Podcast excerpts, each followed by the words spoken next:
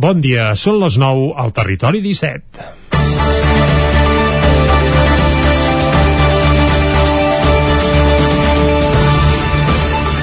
Fa un any no hi va haver Mercat Medieval de Vic. Fa un any no hi va haver Fira de l'Avet d'Espinelves, un certamen que portava 39 anys celebrant-se de forma ininterrompuda. Tampoc hi va haver fires de Nadal a Cardedeu i molts pocs esquiadors al Ripollès.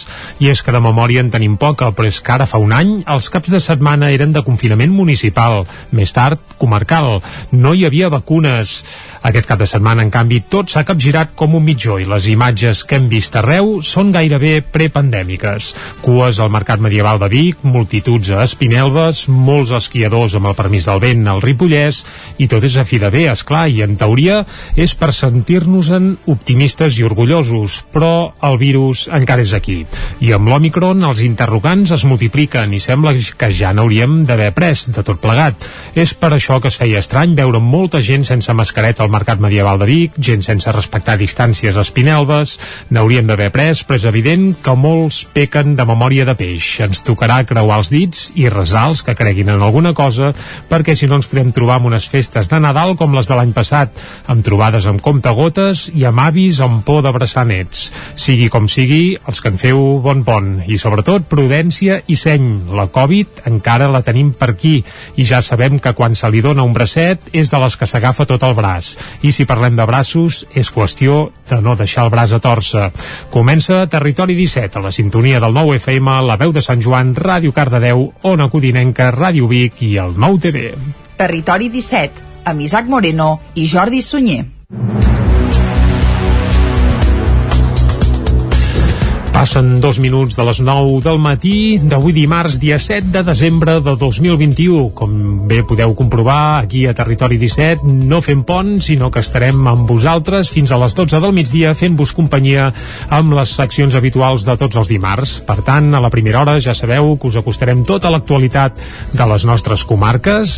Després, a partir de les 10, hi posarem més informació, actualitzarem els butlletins informatius. A l'entrevista avui conversarem amb Titi Roca, Roca, regidor de Fires i Mercats de l'Ajuntament de Vic, i parlarem del 25è Mercat Medieval de Vic, que s'està fent aquests dies i s'allargarà encara fins demà dimecres. Després tindrem, com sempre, piulades, repassarem les portades del 99.cat, taula de redacció, i avui, excepcionalment, en dimarts, també farem un repàs a com els ha anat esportivament parlant els equips del nostre territori. Ahir no vam tenir programa, era festiu, doncs aquest repàs esportiu del cap de setmana el farem avui, just abans del punt de les 11 del migdia. I a la darrera part del programa tindrem a Joan Carles Arredondo parlant-nos d'economia i per acabar pujarem com sempre a la R3 i acabarem amb el racó de pensar amb la Maria López. Tot això ho farem des d'ara mateix i fins a les 12 del migdia.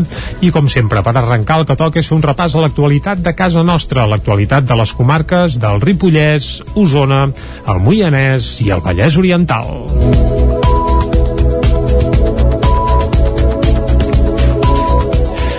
Dos encaputxats despengen la bandera espanyola de l'Ajuntament de Vic i l'acaben cremant. L'acció va tenir lloc dissabte al vespre al final de la manifestació de suport a Roger Aguayo. Un cop finalitzada la manifestació de suport a Roger Aguayo, el jove de Calldetenes que s'enfronta a un judici per les manifestacions contra la sentència de l'UO, un grup de joves en encaputxats es va enfilar pels balcons de la plaça fins al de l'Ajuntament i va despenjar la bandera espanyola. Després de despenjar-la, la van cremar. No és la primera vegada que despengen la bandera espanyola de l'Ajuntament de Vic, que es va haver de tornar a posar al balcó principal per ordre judicial en considerar que el balcó dalt de tot, el del campanar, no tenia la visibilitat que segons la llei ha de tenir en els edificis públics la bandera espanyola. Les obres de l'edifici de la nova Biblioteca Vilarín Vallès a Vic han d'acabar mitjans d'aquest desembre, després de l'ampliació del termini que va demanar l'empresa contractista pel retard que ha suposat la Covid-19 en la construcció. Després s'haurà d'adequar l'interior de l'equipament, que podria posar-se en marxa l'estiu de l'any que ve. També s'ha modificat el contracte de les obres, amb un increment de gairebé el 15% sobre el preu original.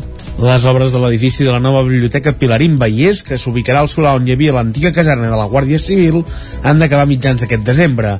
L'últim ple municipal va aprovar l'extensió del termini, perquè així ho havia demanat l'empresa contractista fins al 17 de desembre. Entre els motius de la petició hi ha l'aturada de les obres en el tram inicial de la pandèmia i els problemes en el subministrament de materials. L'equip de govern preveu que l'equipament pugui estar operatiu l'estiu que ve, un cop se n'hagi adequat l'interior, ho explica Fabiana Palmero, regidora d'Urbanisme de l'Ajuntament de Vic. Sinó que el, tema és tot l'altra part, no tot el mobiliari, el tema d'audiovisuals, etc. És tindrem un edifici acabat al desembre, si tot va bé, i faltaran altres coses que ja estarem en procés de contractació. Però esperem que sigui abans de començar l'estiu o començant l'estiu de, de l'any que ve. L'Ajuntament també ha aprovat la modificació del contracte de les obres de construcció de la biblioteca, amb un increment de gairebé un 15%. El preu original era de 7 milions d'euros i ara en valdrà 8. Fabiana Palmero que en aquest preu hi ha alguns errors de projecte que no estaven ben comptats, no de l'empresa constructora, i altres coses que han canviat com a propietaris, no? que en comptes, el que explicava l'altre dia en el ple, que és en comptes de la sala infantil fer-la d'una manera, un cop això s'ha anat construint hem vist que era millor fer-la d'una altra manera, que pensem que serà molt millor per la ciutadania, per fer servir aquell espai, i per tant pensem que és una bona inversió fer aquest canvi. Esquerra i Capgirem Vic estan en contra de la modificació del contracte. Esquerra demanant més informació sobre els motius de l'increment i Capgirem acusa l'equip de govern de mala gestió. Divendres va entrar en vigor per segona vegada el certificat Covid per accedir a restaurants, bars, gimnasos i residències. Tot plegat després que fa 8 dies Salut decidís suspendre'l pels problemes tècnics de l'aplicació La Meva Salut. Els responsables dels establiments ja tenen per mà la mesura, però acusen el departament d'actuar amb poca transparència. A primera hora del matí de divendres, el gimnàs Fitness Vic, al mig de la zona universitària, obria les portes amb el mecanisme del passaport Covid ja en marxa. Ja ho havia fet la setmana anterior i divendres ho recuperava ara amb la sensació que ara sí que s'aplicarà de manera definitiva, com a mínim durant els propers mesos. Una jornada, una jornada totalment normal, amb usuaris amb el document a punt, tot just entrar per la porta. Escoltem a Jaume Palau, responsable del Fitness Vic crec que serà una, una, un dia força normal perquè ja des de divendres que ho van dir tota la gent que té el certificat ja ens l'ensenya, llavors el que fem és nosaltres el registrem aquí amb el codi QR ens firmen un paper conforme ens el donen voluntàriament i a partir d'aquí ja tenen l'accés obert. Per tant tots els socis moment tenen l'accés tancat i a mesura que ens ho van ensenyant així no l'han d'ensenyar cada dia ja poden anar, anar entrant. I tot això enmig de la indignació, segons Palau, s'han hagut d'adaptar a l'estira i arronsa del Departament de Salut a l'hora d'aplicar les noves mesures indignats, desesperats, perquè no hi ha cap planificació. Ja sabem que és una cosa difícil de preveure, però jo crec que a nivell polític i, i de salut i això, jo crec que les coses podrien fer molt millor. Hi ha una mica d'imprevisió i al final els afectats sempre som el sector de serveis, no? Nosaltres, la restauració, sortim d'una situació molt greu de crisi, molts establiments, nosaltres mateixos hem perdut molts diners, ens està costant molt recuperar-ho, i ara és una altra batzegada perquè hi ha gent que no està vacunada i evidentment aquesta gent es dona de baixa amb aquesta mesura, la Generalitat vol evitar que les persones sense vacunar o amb el virus puguin accedir als locals per intentar contenir els contagis. A part del passaport Covid, des de divendres també es tornen a aplicar controls d'accés pels acompanyants a centres com el Consorci Hospitalari de Vic per tal de minimitzar el risc de contagi de pacients i dels professionals sanitaris. A les portes de l'Universitat de l'Hospital Universitari de Vic, els edificis B i C de la Clínica de Vic, Osona Salut Mental i l'Hospital Sant Jaume de Manlleu es farà un primer filtre perquè les persones que hi accedeixin ho facin per necessitat. Les persones que tinguin programada una visita amb l'especialista consultes externes, que s'hagin de realitzar una prova o que vagin a un hospital de dia hauran d'anar sols excepte en situacions de dependència. En casos d'hospitalització, només podrà entrar al recinte un acompanyant, que tindrà una franja, una franja horària assignada de 9 a 10 del matí, de 12 a 2 del migdia o de 5 a 8 del vespre, i en dies alterns per no coincidir amb els familiars del company de l'habitació. El Consell Comarcal del Ripollès aprova un pressupost de 10,7 milions d'euros sense vots en contra i amb la gestió i el model de recollida de residus en el punt de mira. Isaac Muntades, des de la veu de Sant Joan. El Consell Comarcal del Ripollès va aprovar un pressupost de 10,7 milions d'euros per a l'exercici 2022 amb els vots favorables de l'equip de govern format per Junts per Catalunya, el PSC i més i les abstencions d'Esquerra Republicana de Catalunya i la CUP. Els comptes inclouen un pressupost d'1,1 milions d'euros tant pel Servei de Recaptació Cerdanya-Ripollès com per l'Agència de desenvolupament del Ripollès. Respecte a l'any passat, el pressupost cau en un 1%, principalment per la baixada de les inversions en 253.000 euros. Segons va explicar el conseller d'Hisenda de Juny, Josep Maria Creixans, això es deu al fet que el 2021 hi havia una partida de 349.000 euros per la conducció i gestió d'aigües de l'abocador R3 i enguany només s'hi destinaran 100.000 euros. També destaca l'import de 247.000 euros per la millora de camins rurals. La gestió i el model de la recollida de residus va tornar a ser el punt calent del ple. Si només es comptabilitzen les partides d'aquesta matèria, s'hi detecta un augment de 96.000 euros, uns diners que s'expliquen per la pujada del preu del servei, per la recollida de les deixalles i per la gestió de l'abocador R3. Això sí, s'estalviaran gairebé 43.000 euros fruit d'un millor reciclatge pel tractament del rebuig i la matèria orgànica a la comarca. Tot i això, el conseller republicà Sergi Albric va reiterar que no estaven d'acord amb el model. Aquest model de reciclatge que tenim a la comarca, al nostre entendre, ho hem dit moltes vegades, no permet avançar fent un salt altament qualitatiu en tant per cent de reciclatge. Permetrà augmentar el reciclatge? Segurament sí. Arribarem als nivells europeus que parlàvem l'últim ple? Potser. Arribarem als nivells que ens tocarien com a societat? No crec. Creiem que hauríem de ser, uh, ser més valents, intentar acordar amb tots els ajuntaments doncs, models que serveixin per reciclar amb un percentatge que arribi al notable i a l'excel·lent a tots els municipis. De fet, el conseller de Medi Ambient, Josep Coma, aquell mateix dia havia tingut reunions amb els alcaldes de Llanà, Set Cases i Sant Pau de Segúries per aquest motiu. Creixants va recordar-li un detall important al republicà. En aquests moments, com sap, aquí estem fent un pressupost de l'any que ve, tenim un contracte, un concurs, concurs ja aprovat, per tant, el que estem fent aquí és traduint els números del concurs. En el seu dia es podia discutir quin és el model, es pot tornar a parlar, però és un tema que en aquest pressupost 2022 entenc que no afectaria perquè estem complint el que marca el concurs de reciclatge. El pressupost també hi destaquen una sèrie d'augments, per exemple, un 25% més per la partida pel refugi d'animals del Ripollès per fer-hi millores o dels recursos destinats a cultura, que tenen un augment del 94% bàsicament pel Festival Ripollès 5 Sentits. També augmenta el pressupost per joventut en un 26% amb la creació d'un projecte vinculat a l'oficina jove. La CUP, que havia felicitat la feina tècnica i administrativa feta, va insistir a fer més polítiques de joventut pel fet de tenir una comarca envellida. El pressupost de l'Escola Comarcal de Música del Ripollès també creix en un 18%, ja que es va passar de 242 alumnes al curs passat als 296 d'ara. El Consell també assumirà la gestió de tots els menjadors escolars i s'hi preveu un increment de recursos de gairebé 93.000 euros. La Biblioteca de Caldes de Montbui inaugura un nou fons bibliogràfic sobre el dol i la gestió de la mort d'éssers estimats. Caral Campàs, des d'Ona Codinenca. En total, prop d'una setantena de volums per totes les edats que ofereixen eines per comprendre i gestionar el dol i cobreixen el concepte de pèrdua en un sentit ampli. A més de casos com la mort d'un ésser proper, també s'aborden situacions com la separació dels pares o la pèrdua d'alguna amistat. La creació d'aquest fons és una iniciativa de l'equip de la biblioteca que fa anys que treballa amb la Fundació Santa Susana organitzant xerrades sobre el dol. A més, es va detectar un interès per part del públic en llibres d'aquesta temàtica. Sentim Assumpció Ros, gerent de Santa Susana, que destaca la importància de l'existència d'aquests llibres a la biblioteca. El tema del dol i les pèrdues eh, és un tema molt important per a la nostra societat eh, perquè hi ha una certa desinformació i un cert tabú eh, una certa tendència a amagar-ho o no donar-li importància o a medicalitzar-ho. Per tant tota ajuda que vingui de, de qui sigui que pugui posar llum en aquest tema i en aquest cas eh, és molt important i molt interessant aquesta iniciativa de la biblioteca de crear aquest fons perquè bueno, contribuirà a la divulgació d'aquest tema a la, a la informació i per l'altra banda també obrir portes a, a rebre ajuda a d'identificar que la necessites. El nou fons sobre el dol i la pèrdua és el segon pis de la biblioteca i està identificat amb un pictograma d'una dent de lleó. La intenció és anar ampliant el fons cada any i dinamitzar-lo amb activitats.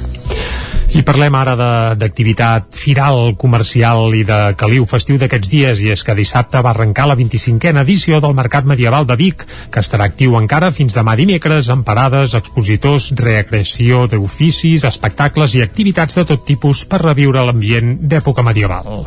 Enguany el nucli antic de Vic no és l'espai on s'ubiquen les parades per evitar aglomeracions. Després d'un any sense mercat per la pandèmia, però el certamen ha tornat amb molt bona acollida i molt de públic i repetint les imatges típiques amb molta gent als carrers. També puntualment hi ha hagut algunes cues a les entrades de Vic, sobretot des de la C-17. I avancem que avui a l'entrevista parlarem precisament del Mercat Medieval de Vic amb el regidor de Fires i Mercats de l'Ajuntament Bigatà, amb Titi Roc. A banda del Mercat Medieval de Vic, l'altra gran proposta nadalenca d'aquests dies a Osona és la Fira de l'Avet d'Espinelves, que enguany celebra la quarantena edició. La Fira de l'Avet, com el Mercat Medieval de Vic, també es va inaugurar dissabte i l'activitat s'hi allargarà encara fins aquest proper diumenge. Dissabte a la tarda un dels visitants va ser el president de la Generalitat, Pere Aragonès, i ahir dilluns hi va assistir la presidenta del Parlament, Laura Borràs. La fira s'allargarà fins al dia 12 de desembre i a banda del centenar de parades que ompliran el nucli antic, també inclourà tallers de tions, mostres d'oficis i espectacles de passacarrers. L'alcalde d'Espinelva, Joan Manel Claveria, espera recuperar les dades de visitants prèvies a la pandèmia i acollir entre 70.000 i 80.000 visitants. Aquí hi ha embotellaments que sembla Barcelona, sí, s'allargarà fins al dia 12, i, però nosaltres el que estem veient és que aquest any la gent té moltes ganes de sortir, i tal com cau el calendari que, que pràcticament eh, hi han dos ponts llargs eh, creiem que tranquil·lament podem arribar a 80.000 visitants Des d'ahir, a part del Mercat Medieval de Vic, també, tam, de, també està en funcionament la pista de gel de Manlleu. Esports. Dissabte a Cardedeu es va celebrar la primera cursa infantil adaptada per tots aquells infants fins a 15 anys amb algun tipus de diversitat funcional o mobilitat reduïda. Va ser tot un èxit de participació, ens ho explica Núria Lázaro des de Ràdio i Televisió Cardedeu. El passat 3 de setembre va ser el Dia Internacional de les Persones amb Discapacitat. A Cardedeu, al llarg de tota la setmana, s'han celebrat la Setmana de la Discapacitat amb xerrades i activitats esportives dedicades a totes aquelles amb capacitats diferents. Dissabte al matí, l'activitat celebrada va ser la primera cursa infantil adaptada organitzada per l'entitat Amics d'en Biel, una cursa lineal no competitiva on tots els infants menors de 15 anys amb diversitat funcional van poder gaudir de fer esport. Noelia Cortés, presidenta d'Amics d'en Biel. La nostra idea sempre és la inclusió però sí que és veritat que hi ha nens que, pues, que per, eh, per al seu bé o per les seves característiques estan més a gust eh, dintre del seu, del seu entorn. Llavors, per això els hi hem fet una cursa expressament per ells que al cap i a la fi també en nens que passaven per aquí o que han vingut s'han volgut apuntar, vull dir que ha sigut en part inclusiva, però era per ells. I per als pares que, que volen fer esport amb aquests nens i que no troben mm, gaire opcions perquè ha vingut gent de Girona, de Barcelona, llavors, clar, estem molt contents. Un cop acabades les diverses curses es va celebrar una de conjunta amb tots els inscrits. Finalitzat l'esport es va donar esmorzar i una motxilla d'obsequis a tots els infants. L'acte va concloure amb un espectacle de titelles per a que els més petits poguessin acabar de gaudir del matí. I fins aquí el, el butlletí informatiu que us hem ofert amb Isaac Muntades, Arnau Jaumira, Caral Campàs i Núria Lázaro. Ara el que toca, com fem sempre aquí a Territori 17, és parlar del temps.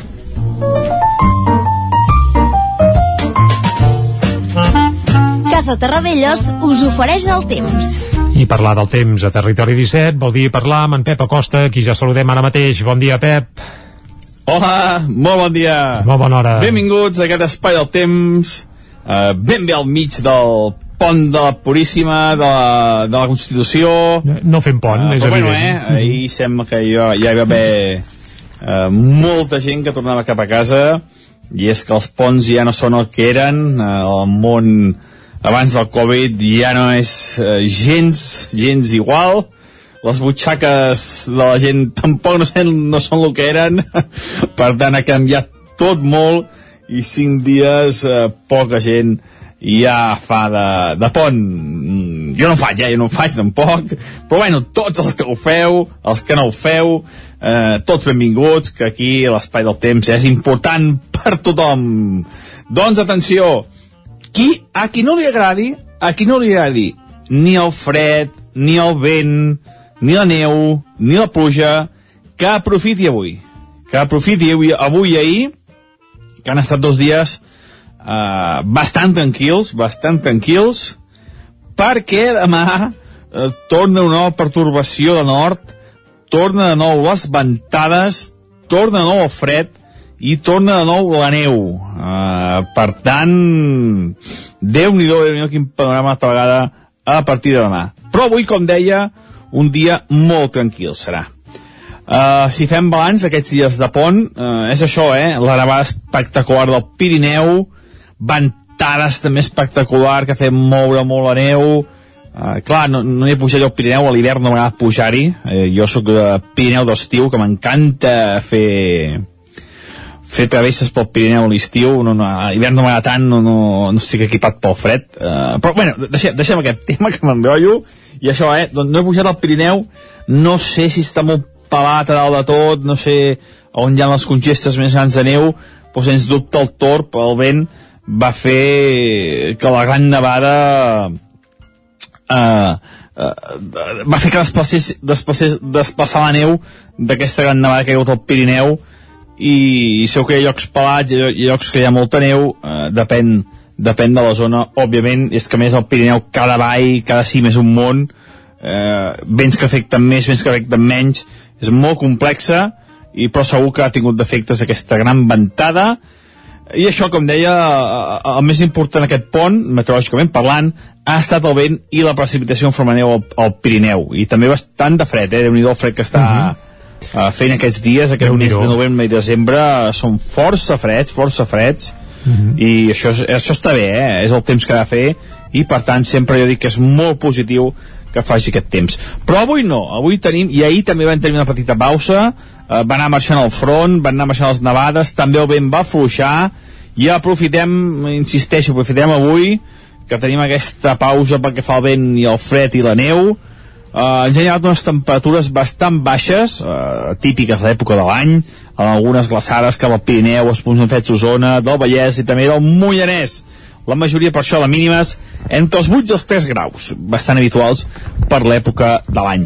Fa força sol, però s'anirà carregant el cel, núvols alts, després núvols mitjans, eh, cada vegada més tapat. No sembla que hagin d'haver precipitacions.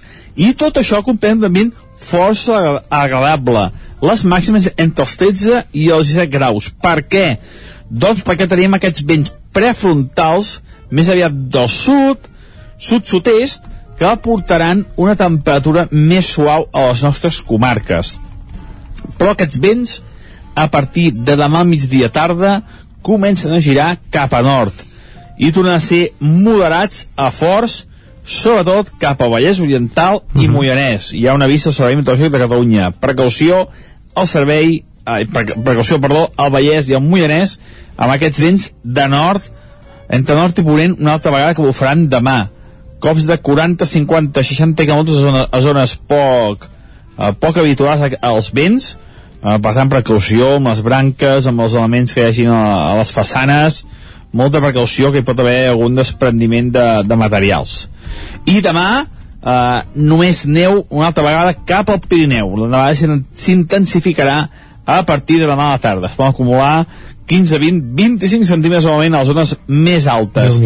Demà el vent al Pirineu eh, contingut, però atenció, a partir de dijous divendres torna una gran ventada cap a la zona del Pirineu. Però com que ja estarem aquí, ho anirem comentant.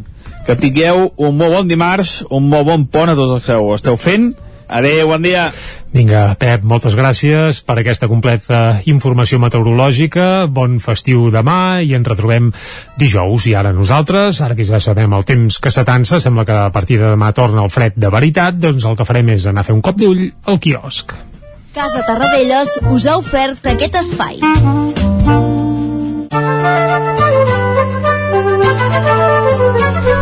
I tot i que avui som dimarts i no pas dilluns, aquest cop d'ull al quiosc el començarem fent un cop d'ull precisament a les portades del 9-9 que sí que va sortir ahir, però com que no hi érem, doncs hi fem un cop d'ull ara. Comencem per la, pel 9-9 d'Osona i el Ripollès, que ahir dilluns explicava que tornen les multituds.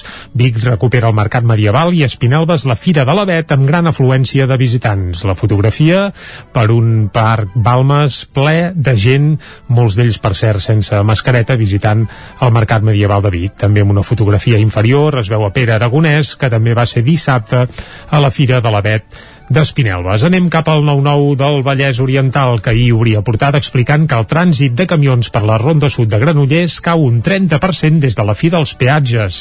A la carretera del Masnou la reducció arriba, atenció, al més del 70%.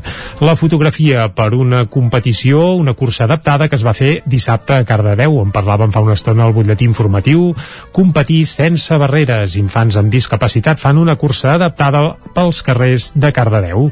També a apareix la capital dels torrons. On és? Doncs a Dinars, que aquest cap de setmana ha celebrat la 25a Fira dels Torrons amb una seixantena de parades i gran afluència de públic.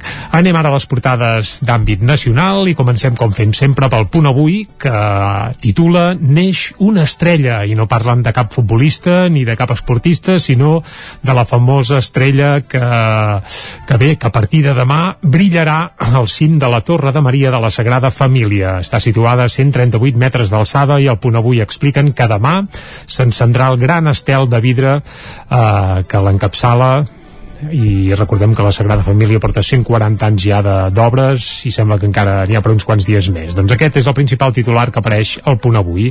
A l'ara, el govern evita la mà dura amb el certificat Covid. Mosso, els Mossos no fan dispositius de vigilància específics com els que s'han fet, per exemple, en discoteques al País Valencià. Uh, la principal fotografia a l'ara, el vent obliga a tancar pistes a mig pont i és que bé, la temporada d'esquí va començar molt i molt bé, però ahir a les parts altes de la Molina o de Vallter doncs no es va poder esquiar perquè feia un vent de por i evidentment hi havia perill i tot. Sembla que avui hi ha treva en aquest sentit. El periòdico. El gran comerç concentra les vendes del pont a Barcelona i la fotografia, la fotografia principal per un senyor que porta 11 anys dormint al Prat, a l'aeroport del Prat, un sense sostre, el testimoni que s'explica al periòdico d'avui. A l'avantguàrdia, el passi Covid triplica la demanda de primeres dosis a Catalunya. Per tant, la vacunació, que en aquest sentit estaria d'enhorabona. El titular principal en fotografia, per això, és pel Dia de la Constitució Espanyola, que es veu que era ahir, i titulen una celebració deslluïda fluida de la Constitució. Això és el titular principal de la Vanguardia. Fem un cop d'ull ràpid a portades que s'atiren des de Madrid. El País, el dia de la Constitució, exhibeix la falta de consens per la seva reforma. A l'ABC, les empreses en fallida escalen a l'estat espanyol fins a nivells anteriors a la crisi. Batet i Sánchez utilitzen el dia de la Constitució per carregar contra Casado, això segons la interpretació de l'ABC. A la Razón, obrim cometes, da igual dos meses más de bloqueo del Consell Judicial del Poder General que dos anys. És a dir, que tant els hi fa que tot estigui encallat en aquest sentit. I acabem fent un cop d'ull ràpidament a El Mundo, que titula Batet i els socis de Sánchez minen el dia de la Constitució. Minen, verb minar, mm, vindria a dir que torpedinen ras, ras i curt. I fins aquí el repàs a les portades d'avui. El que farem ara és una petita pausa de 3 minutets. Tornem a dos quarts un punt amb més informació. Aquí, fins ara. El nou FM, la ràdio de casa, al 92.8. Amb Pradell estalvio energia i cuido la meva butxaca i el medi ambient. Posa't en mans a Pradell, són experts en calderes de gas i condensació, estufes de pèl·let, energia solar, terres radiants i geotèrmia. Pradell instal·la calderes de biomassa per a particulars i per a empreses. Si vols estalviar un 50% en consum, contacta amb Pradell i passa't a les energies renovables. Pradell som a l'Avinguda Països Catalans 27 de Vic. Telèfon 93 885 1197. Pradell.cat. El racó de León. Gaudeix de la nostra terrassa. Vine a tastar les xuletilles de l'Echal a la brasa amb una bona amanida o el xuletón de vedella gallega. No et pots perdre el nostre lechada de Castilla al forn o el cochinillo a l'estil de Segovia. Tot acompanyat del millor celler, al menjador o fora la terrassa. Descobreix la millor cuina de Lleó sense moure't de casa. Vine amb la família, els amics, la parella o sol. T'encantarà. El racó de León, cuina tradicional lleonesa i de mercat. Som al carrer Torelló número 35 de Vic. Per reserves, telèfon 93 889 1950. El racó de León, una cuina diferent. Som especialistes en cargols a la llauna. Vine a tastar-los al racó de León. El nou FM. A Can Xalant obrim un any més el nostre estudi per les vostres sessions de fotos de Nadal. Crea les teves postals amb el fons que més t'agradi per 19 euros l'hora. I si vols fer-te fotos amb el nostre fotògraf, només 69 euros l'hora amb 10 fotos editades. Can Xalant, carrer Sant Tomàs 4 de Call d'Atenes. Contacta'ns al 616 04 02 96. Can Xalant us desitja bones festes. Això és el que s'escolta al voltant d'una caldera saunia d'Oval. tranquil·litat i benestar, perquè gaudeix del millor manteniment del servei tècnic oficial per estar despreocupat. O el que vulgui. Informis a Oficiat Nord trucant al 938860040. Saunier Duval, sempre al seu costat. Les vesprades de tardor de Centelles arriben a la desena edició, un cicle musical que vol promoure la millor música programant joves promeses. Divendres 10 de desembre hi haurà el jazz de Pablo Rodríguez i Humberto Ríos, dissabte el flamenc d'Eduardo Cortés Quinteto i diumenge Eudalbuc posarà el punt i final amb música clàssica.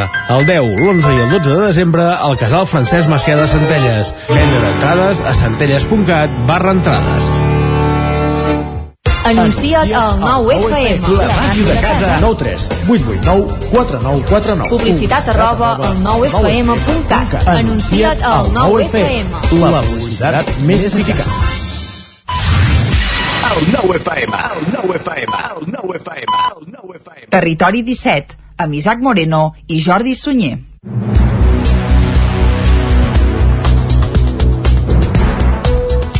Dos quarts de deu en punt d'avui dimarts, dia 7 de desembre de 2021. Seguim en directe aquí a Territori 17 i us farem companyia encara fins a les 12 del migdia. Com ho farem això? Doncs abans de les 10 ja us alertem i us avisem que hi posarem una mica de música avui per explicar-vos que hi ha una patum de la música nacional que deixarà els escenaris. Amb aquesta pista potser alguns ja sabeu de qui parlarem.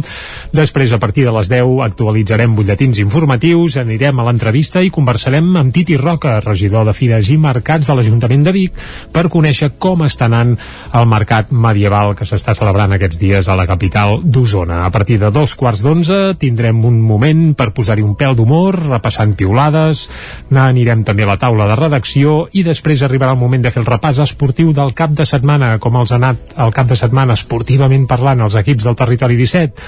Això sí, els que han jugat, perquè molts han fet pont i, i aquaducte, evidentment. A partir de les 11 més informació i després economia amb Joan Carles Arredondo, com tots els dimarts. I a la part final del programa d'avui tindrem moment per anar a la R3 a la Trenc d'Alba i també al racó de pensar amb la Maria López amb qui claurem el programa d'avui. Tot això ho farem des d'ara mateix i fins a les 12 del migdia i el que toca ara mateix, evidentment, és acostar-vos de nou l'actualitat de casa nostra i de casa vostra, l'actualitat de les comarques del Ripollès, Osona, el Moianès i el Vallès Oriental.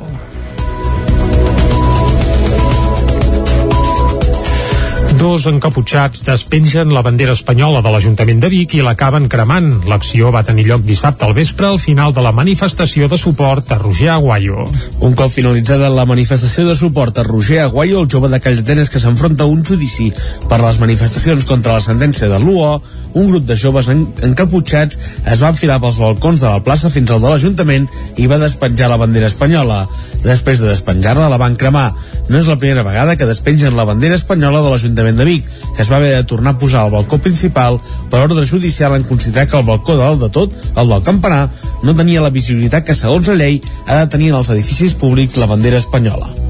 Les obres de l'edifici de la nova Biblioteca Vilarín Vallès a Vic han d'acabar mitjans d'aquest desembre, després de l'ampliació del termini que va demanar l'empresa contractista pel retard que ha suposat la Covid-19 en la construcció. Després s'haurà d'adequar l'interior de l'equipament, que podria posar-se en marxa l'estiu de l'any que ve. També s'ha modificat el contracte de les obres amb un increment de gairebé el 15% sobre el preu original.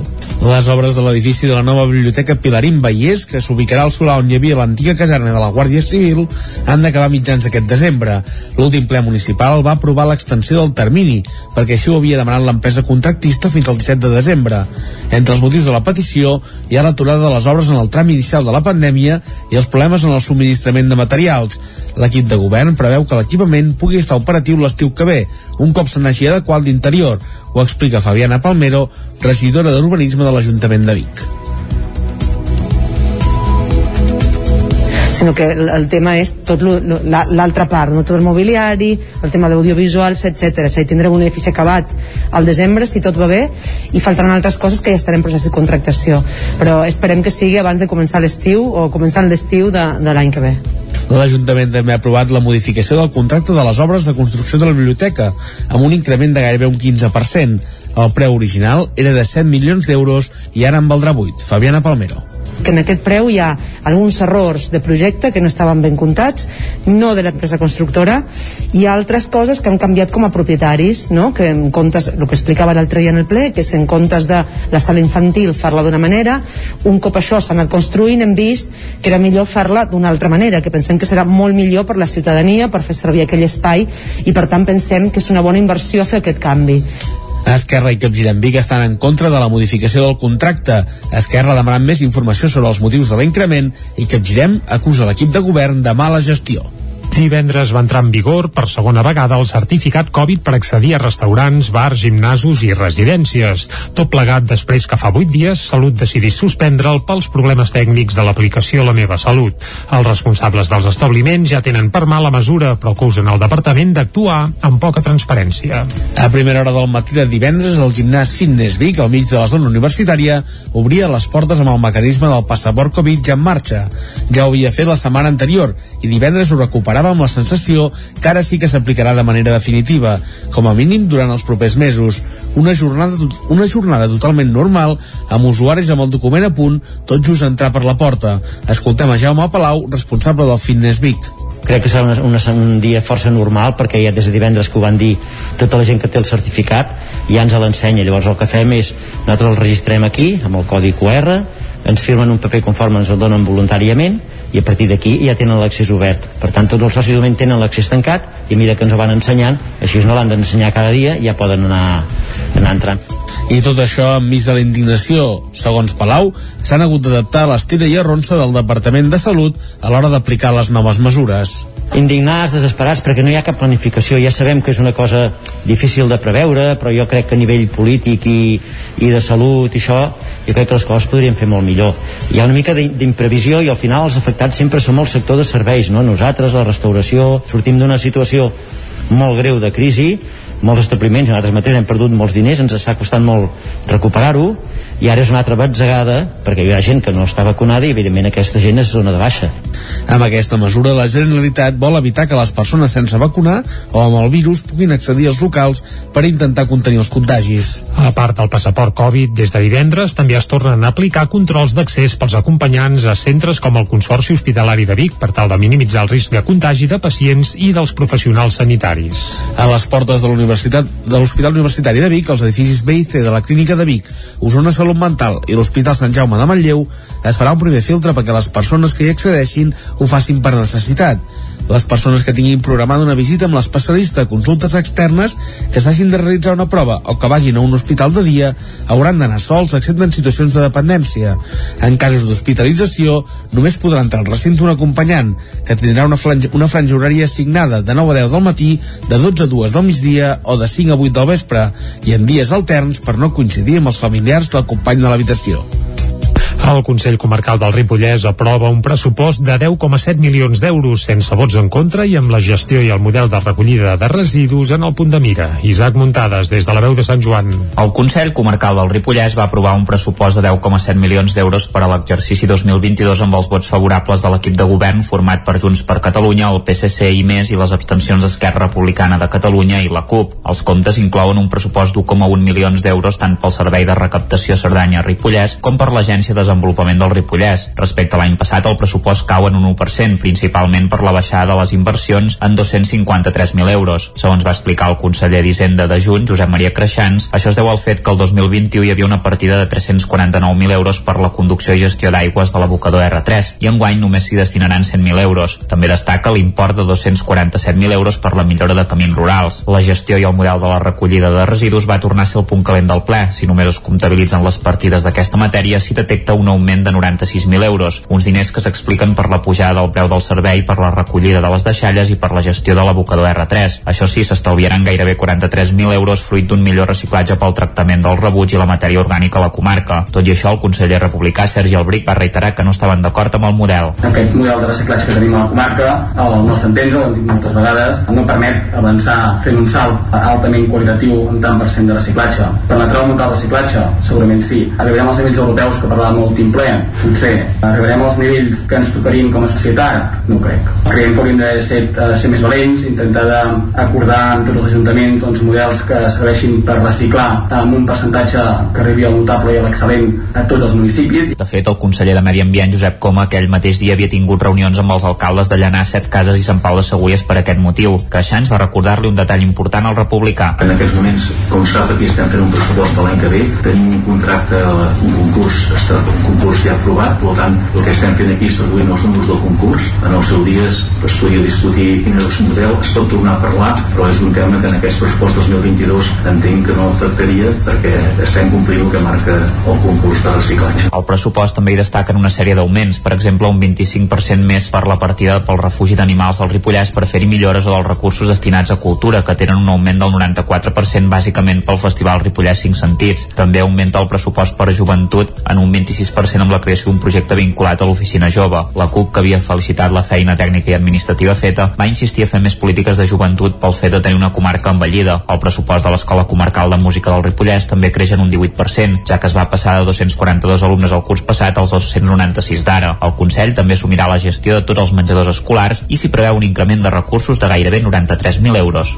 La Biblioteca de Caldes de Montbui inaugura un nou fons bibliogràfic sobre el dol i la gestió de la mort d'éssers estimats. Caral Campàs, des d'Ona Codinenca. En total, prop d'una setantena de volums per totes les edats que ofereixen eines per comprendre i gestionar el dol i cobreixen el concepte de pèrdua en un sentit ampli. A més de casos com la mort d'un ésser proper, també s'aborden situacions com la separació dels pares o la pèrdua d'alguna amistat. La creació d'aquest fons és una iniciativa de l'equip de la biblioteca que fa anys que treballa amb la Fundació Santa Susana organitzant xerrades sobre el dol. A més, es va detectar un interès per part del públic en llibres d'aquesta temàtica. Sentim Assumpció Ros, gerent de Santa Susana, que destaca la importància de l'existència d'aquests llibres a la biblioteca. El tema del dol i les pèrdues eh, és un tema molt important per a la nostra societat eh, perquè hi ha una certa desinformació i un cert tabú uh, una certa tendència a, a amarar-ho o no donar-li importància o a medicalitzar-ho. Per tant tota ajuda que vingui de, de qui sigui que pugui posar llum en aquest tema i en aquest cas Uh, és molt important i molt interessant aquesta iniciativa de la biblioteca de crear aquest fons perquè bueno, contribuirà a la divulgació d'aquest tema a la, a la informació i per l'altra banda també obrir portes a, a rebre ajuda a d'identificar que la necessites. El nou fons sobre el dol i la pèrdua és el segon pis de la biblioteca i està identificat amb un pictograma d'una dent de lleó. La intenció és anar ampliant el fons cada any i dinamitzar-lo amb activitats. I parlem ara d'activitat firal, comercial i de caliu festiu d'aquests dies i és que dissabte va arrencar la 25a edició del Mercat Medieval de Vic, que estarà actiu encara fins demà dimecres amb parades, expositors, recreació d'oficis, espectacles i activitats de tot tipus per reviure l'ambient d'època medieval. Enguany el nucli antic de Vic no és l'espai on s'ubiquen les parades per evitar aglomeracions. Després d'un any sense mercat per la pandèmia, però el certamen ha tornat amb molt bona acollida i molt de públic i repetint les imatges típiques amb molta gent als carrers. També puntualment hi ha hagut algunes cues a les entrades de Vic, sobretot des de la C-17. Ja avancem que avui a l'entrevista parlarem precisament del Mercat Medieval de Vic amb el regidor de Fires i Mercats de l'Ajuntament Bigatà, amb Titi Roc. A banda del Mercat Medieval de Vic, l'altra gran proposta nadalenca d'aquests dies a Osona és la Fira de l'Avet d'Espinelves, que enguany celebra la quarantena edició. La Fira de l'Avet, com el Mercat Medieval de Vic, també es va inaugurar dissabte i l'activitat s'hi allargarà encara fins aquest proper diumenge. Dissabte a la tarda un dels visitants va ser el president de la Generalitat, Pere Aragonès, i ahir dilluns hi va assistir la presidenta del Parlament, Laura Borràs. La fira s'allargarà fins al dia 12 de desembre i a banda del centenar de parades que el nucli antic, també inclourà tallers de tions, mostres d'oficis i espectacles de passacarrers. L'alcalde d'Espinelva, Joan Manel Claveria, espera recuperar les dades de visitants prèvies a la pandèmia i acollir entre 70.000 i 80.000 visitants. Aquí hi ha embotellaments que sembla Barcelona, sí, s'allargarà fins al dia 12, i, però nosaltres el que estem veient és que aquest any la gent té moltes ganes de sortir i tal com cau el calendari, que, que pràcticament eh, hi han dos ponts llargs, eh, creiem que tranquil·lament podem arribar a 80.000 visitants. Des d'ahir, a part del Mercat Medieval de Vic, també, tam, de, també està en funcionament la pista de gel de Manlleu. Esports. Dissabte a Cardedeu es va celebrar la primera cursa infantil adaptada per tots aquells infants fins a 15 anys amb algun tipus de diversitat funcional o mobilitat reduïda. Va ser tot un èxit de participació. Ens ho explica Núria Lázaro des de Ràdio i Televisió Cardedeu. El passat 3 de setembre va ser el Dia Internacional de les Persones amb Discapacitat. A Cardedeu, al llarg de tota la setmana, s'han celebrat la Setmana de la Discapacitat amb xerrades i activitats esportives dedicades a totes aquelles amb capacitats diferents. Dissabte al matí, l'activitat celebrada va ser la primera cursa infantil adaptada organitzada per l'entitat Amics d'en Biel, una cursa lineal no competitiva on tots els infants menors de 15 anys amb diversitat funcional van poder gaudir de fer esport. Noelia Cortés, presidenta d'Amics d'en Biel. La nostra idea sempre és la inclusió, però sí que és veritat que hi ha nens que, pues, que per, eh, per al seu bé eh, o per les seves característiques estan més a gust eh, dintre del seu, del seu entorn. Llavors, per això els hi hem fet una cursa expressament per ells que al cap i a la fi també en nens que passaven per aquí o que han vingut s'han volgut apuntar, vull dir que ha sigut en part inclusiva, però era per ells. I per als pares que, que volen fer esport amb aquests nens i que no troben mm, gaire opcions, perquè ha vingut gent de Girona, de Barcelona, llavors, clar, estem molt contents. Un cop acabades les diverses curses es va celebrar una de conjunta amb tots els inscrits. Finalitzat l'esport es va donar esmorzar i una motxilla d'obsequis a tots els infants. L'acte va concloure amb un espectacle de titelles per a que els més petits poguessin acabar de gaudir del matí. I fins aquí el, el butlletí informatiu que us hem ofert amb Isaac Muntades, Arnau Jaumira, Caral Campàs i Núria Lázaro. Ara el que toca, com fem sempre aquí a Territori 17, és parlar del temps.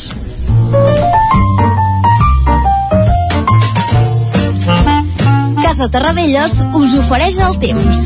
I parlar del temps a Territori 17 vol dir parlar amb en Pep Acosta, qui ja saludem ara mateix. Bon dia, Pep. Hola, molt bon dia. Molt bona hora. Benvinguts a aquest espai del temps, eh, ben bé al mig del pont de la Puríssima, de la, de la Constitució. No fem pont, uh, és però bueno, evident. eh, ahir sembla que ja, ja hi va haver eh, molta gent que tornava cap a casa i és que els ponts ja no són el que eren, eh, el món abans del Covid ja no és eh, gens, gens igual, les butxaques de la gent tampoc no, sen, no són el que eren. Per tant ha canviat tot molt i cinc dies eh, poca gent ja fa de, de pont. Mm, jo no ho faig, eh, jo no ho faig tampoc. Però bueno, tots els que ho feu els que no ho feu eh, tots benvinguts, que aquí l'espai del temps és important per tothom. Doncs atenció qui, a qui no li agradi a qui no li agradi ni el fred, ni el vent ni la neu, ni la pluja, que aprofiti avui. Que aprofiti avui, avui i ahir, que han estat dos dies eh, bastant tranquils, bastant tranquils, perquè demà eh, torna una nova pertorbació de nord, torna de nou les ventades, torna de nou el fred, i torna de nou la neu. Uh, per tant, Déu-n'hi-do, déu quin panorama altra vegada a partir de demà. Però avui, com deia, un dia molt tranquil serà. Uh, si fem balanç d'aquests dies de pont, uh, és això, eh? La nevada espectacular del Pirineu, ventades també espectacular que fem moure molt la neu, uh, clar, no, no he pujat al Pirineu, a l'hivern no m'agrada pujar-hi, uh, jo sóc de Pirineu d'estiu, que m'encanta fer fer travesses pel Pirineu a l'estiu, no, no, a l'hivern no m'agrada tant, no, no, no estic equipat pel fred, uh, però bueno, deixem, deixem aquest tema que m'enrotllo, i això, eh, doncs no he pujat al Pirineu, no sé si està molt pelat a dalt de tot, no sé on hi ha les congestes més grans de neu, però sens dubte el torp, el vent, va fer que la gran nevada eh, eh, va fer que desplacés, desplacés, desplaçar la neu d'aquesta gran nevada que hi ha hagut al Pirineu i segur que hi ha llocs pelats, ha llocs que hi ha molta neu, eh, depèn, depèn de la zona, òbviament, és que més el Pirineu cada vall, cada cim és un món, eh, vents que afecten més, vents que afecten menys, és molt complexa, i però segur que ha tingut defectes aquesta gran ventada, i això, com deia, eh, el més important aquest pont, meteorològicament parlant, ha estat el vent i la precipitació en forma neu al, al Pirineu. I també bastant de fred, eh? Déu-n'hi-do el fred que està uh -huh. uh, fent aquests dies, aquest mes de novembre i desembre, són força freds, força freds, i això, és- això està bé, eh? És el temps que ha de fer, i per tant sempre jo dic que és molt positiu que faci aquest temps. Però avui no, avui tenim, i ahir també vam tenir una petita pausa, eh, va anar marxant el front, van anar marxant les nevades, també el vent va afluixar, i aprofitem, insisteixo, aprofitem avui que tenim aquesta pausa pel que fa al vent i el fred i la neu, uh, ens ha llegat unes temperatures bastant baixes, uh, típiques de l'època de l'any, algunes glaçades cap al Pirineu, els punts fets Osona, del Vallès i també del Mollanès. La majoria, per això, la mínimes, entre els 8 i els 3 graus, bastant habituals per l'època de l'any. Fa força sol, però es anirà carregant el cel, núvols alts, després núvols mitjans, eh, cada vegada més tapat. No sembla que hagin d'haver precipitacions. I tot això comprèn un força agra- agradable. Les màximes entre els 13 i els 17 graus. Per què? Doncs perquè tenim aquests vents prefrontals, més aviat del sud, sud-sud-est, que aportaran una temperatura més suau a les nostres comarques. Però aquests vents, a partir de demà migdia tarda, comencen a girar cap a nord i tornen a ser moderats a forts, sobretot cap al Vallès Oriental i Moianès. Hi ha una vista sobre el meteorològic de Catalunya. Precaució al servei, eh, pre- precaució, perdó, al Vallès i al Moianès amb aquests vents de nord, entre nord i ponent, una altra vegada que bufaran demà. Cops de 40, 50, 60 km a, zona, a zones poc, eh, poc habituals a- als vents, eh, per tant precaució amb les branques, amb els elements que hi hagin a, a les façanes, molta precaució que hi pot haver algun desprendiment de, de materials. I demà eh, només neu una altra vegada cap al Pirineu. La nevada s'in- s'intensificarà a partir de demà a la tarda. Es poden acumular 15, 20, 25 centímetres al moment a les zones més altes. Demà el vent al Pirineu eh, contingut, però atenció, a partir de dijous divendres torna una gran ventada cap a la zona del Pirineu. Però com que ja estarem aquí, ho anirem comentant. Que tingueu un molt bon dimarts, un molt bon pont a tots els que ho esteu fent. Adéu, bon dia. Vinga, Pep, moltes gràcies per aquesta completa informació meteorològica. Bon festiu demà i ens retrobem dijous. I ara nosaltres, ara que ja sabem el temps que s'atansa, sembla que a partir de demà torna el fred de veritat, doncs el que farem és anar a fer un cop d'ull al quiosc. Casa Tarradellas us ha ofert aquest espai.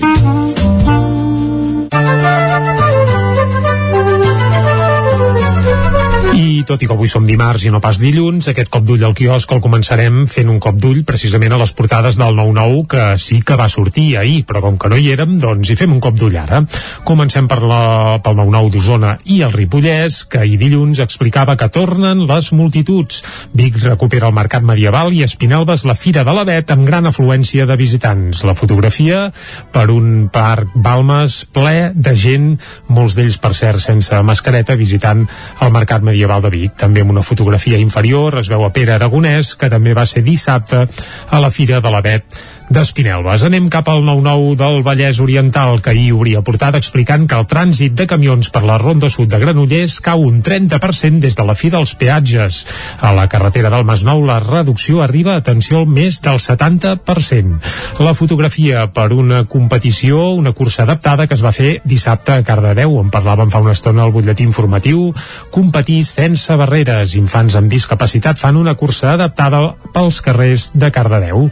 També apareix la capital dels torrons, on és doncs, a Llinars, que aquest cap de setmana ha celebrat la 25a Fira dels Torrons amb una seixantena de parades i gran afluència de públic.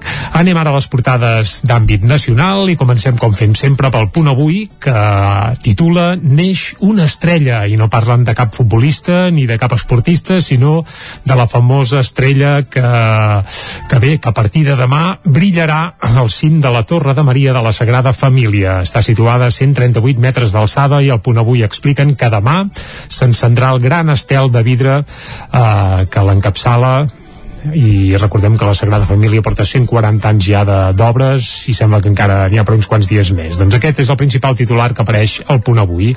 A l'ara, el govern evita la mà dura amb el certificat Covid.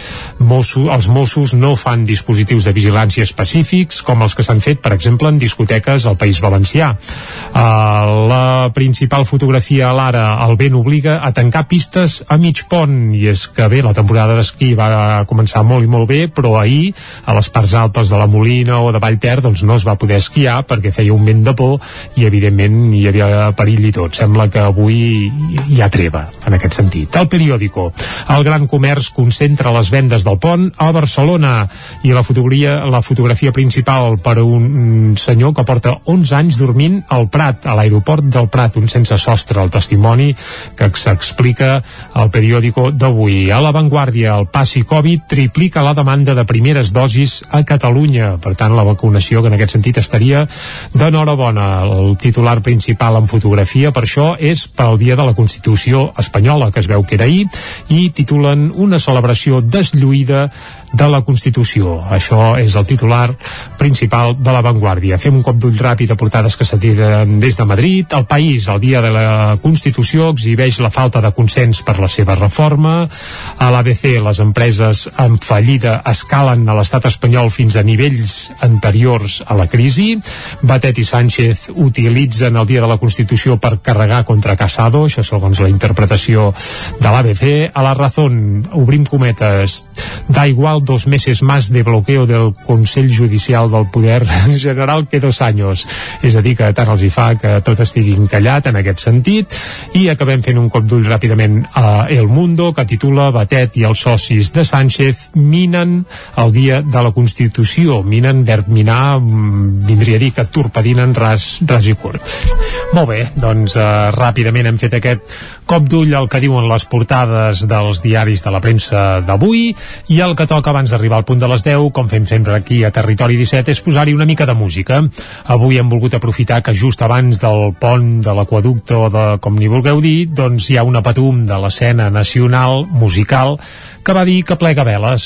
Es tracta, com molts ja heu intuït, esperem, doncs, del Joan Manuel Serrat, un xicot que és del Poble Sec, per tant no seria ben bé de Territori 17, però com que és una patum que poc o molt a tots ens ha tocat, influenciat i tots l'hem escoltat, doncs avui voldrem arribar fins al punt de les 10 escoltant les peces de Serrat. Bé, no totes, perquè evidentment no, no arribaríem pas, però n'escoltarem una de les primeres i segurament de les més emblemàtiques i també de les més estimades per part del públic que té eh, bé Serrat arreu del món, cal dir-ho, eh? però si ens assenyim al públic que té els països catalans, doncs com que la seva producció discogràfica va començar bàsicament en català, doncs hem volgut repescar una peça del seu repertori eh, i l'escoltarem ara. La peça és Para i segurament és una de les primeres cançons ecologistes, volgudament o no, de les que s'han fet mai arreu dels països catalans. Per cert que Serrat plega, però ho farà abans fent una gira per tot el món, eh, una gira que per cert acabarà al Palau Sant Jordi a finals de l'any que ve. Per tant, encara hi ha oportunitats per escoltar en viu i en directe a Serrat. De moment, l'escoltem ara aquí, a Territori 17, i amb ell arribarem fins al punt de les 10 rellisca com un barb mort sota un pam d'escuma blanca para que el riu ja no és el riu. Para abans que torni l'estiu amagui tot el que és viu. Para digueu-me què li han fet al bosc que no hi ha arbres. A l'hivern no tindrem foc ni a l'estiu lloc per aturar-nos. Para que el bosc ja no és el bosc. Para abans de que es faci fosc ompliu de vida el rebost sense llenya i sense peixos pare ens caldrà cremar la barca Llau del blat per les enrunes, pare, i tanca'm tres panys la casa i dèieu vostè. Pare, si no hi ha pins, no es fan pinyons ni cucs ni ocells. Pare, on no hi ha flors, no es fan abelles, cera ni mel. Pare, que el camp ja no és el camp. Pare, demà del cel plourà sang, el vent ho canta plorant.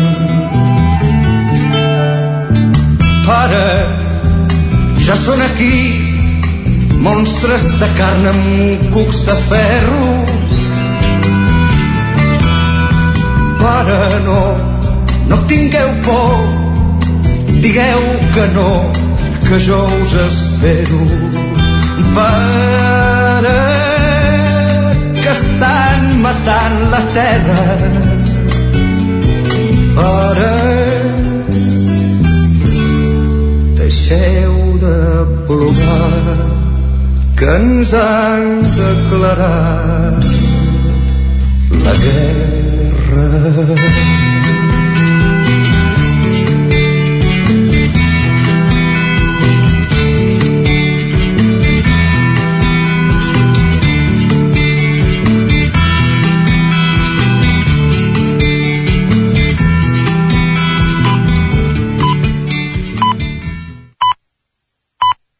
Les 10 en punt torna la informació de les nostres comarques, les comarques del Ripollès, Osona, el Moianès i el Vallès Oriental.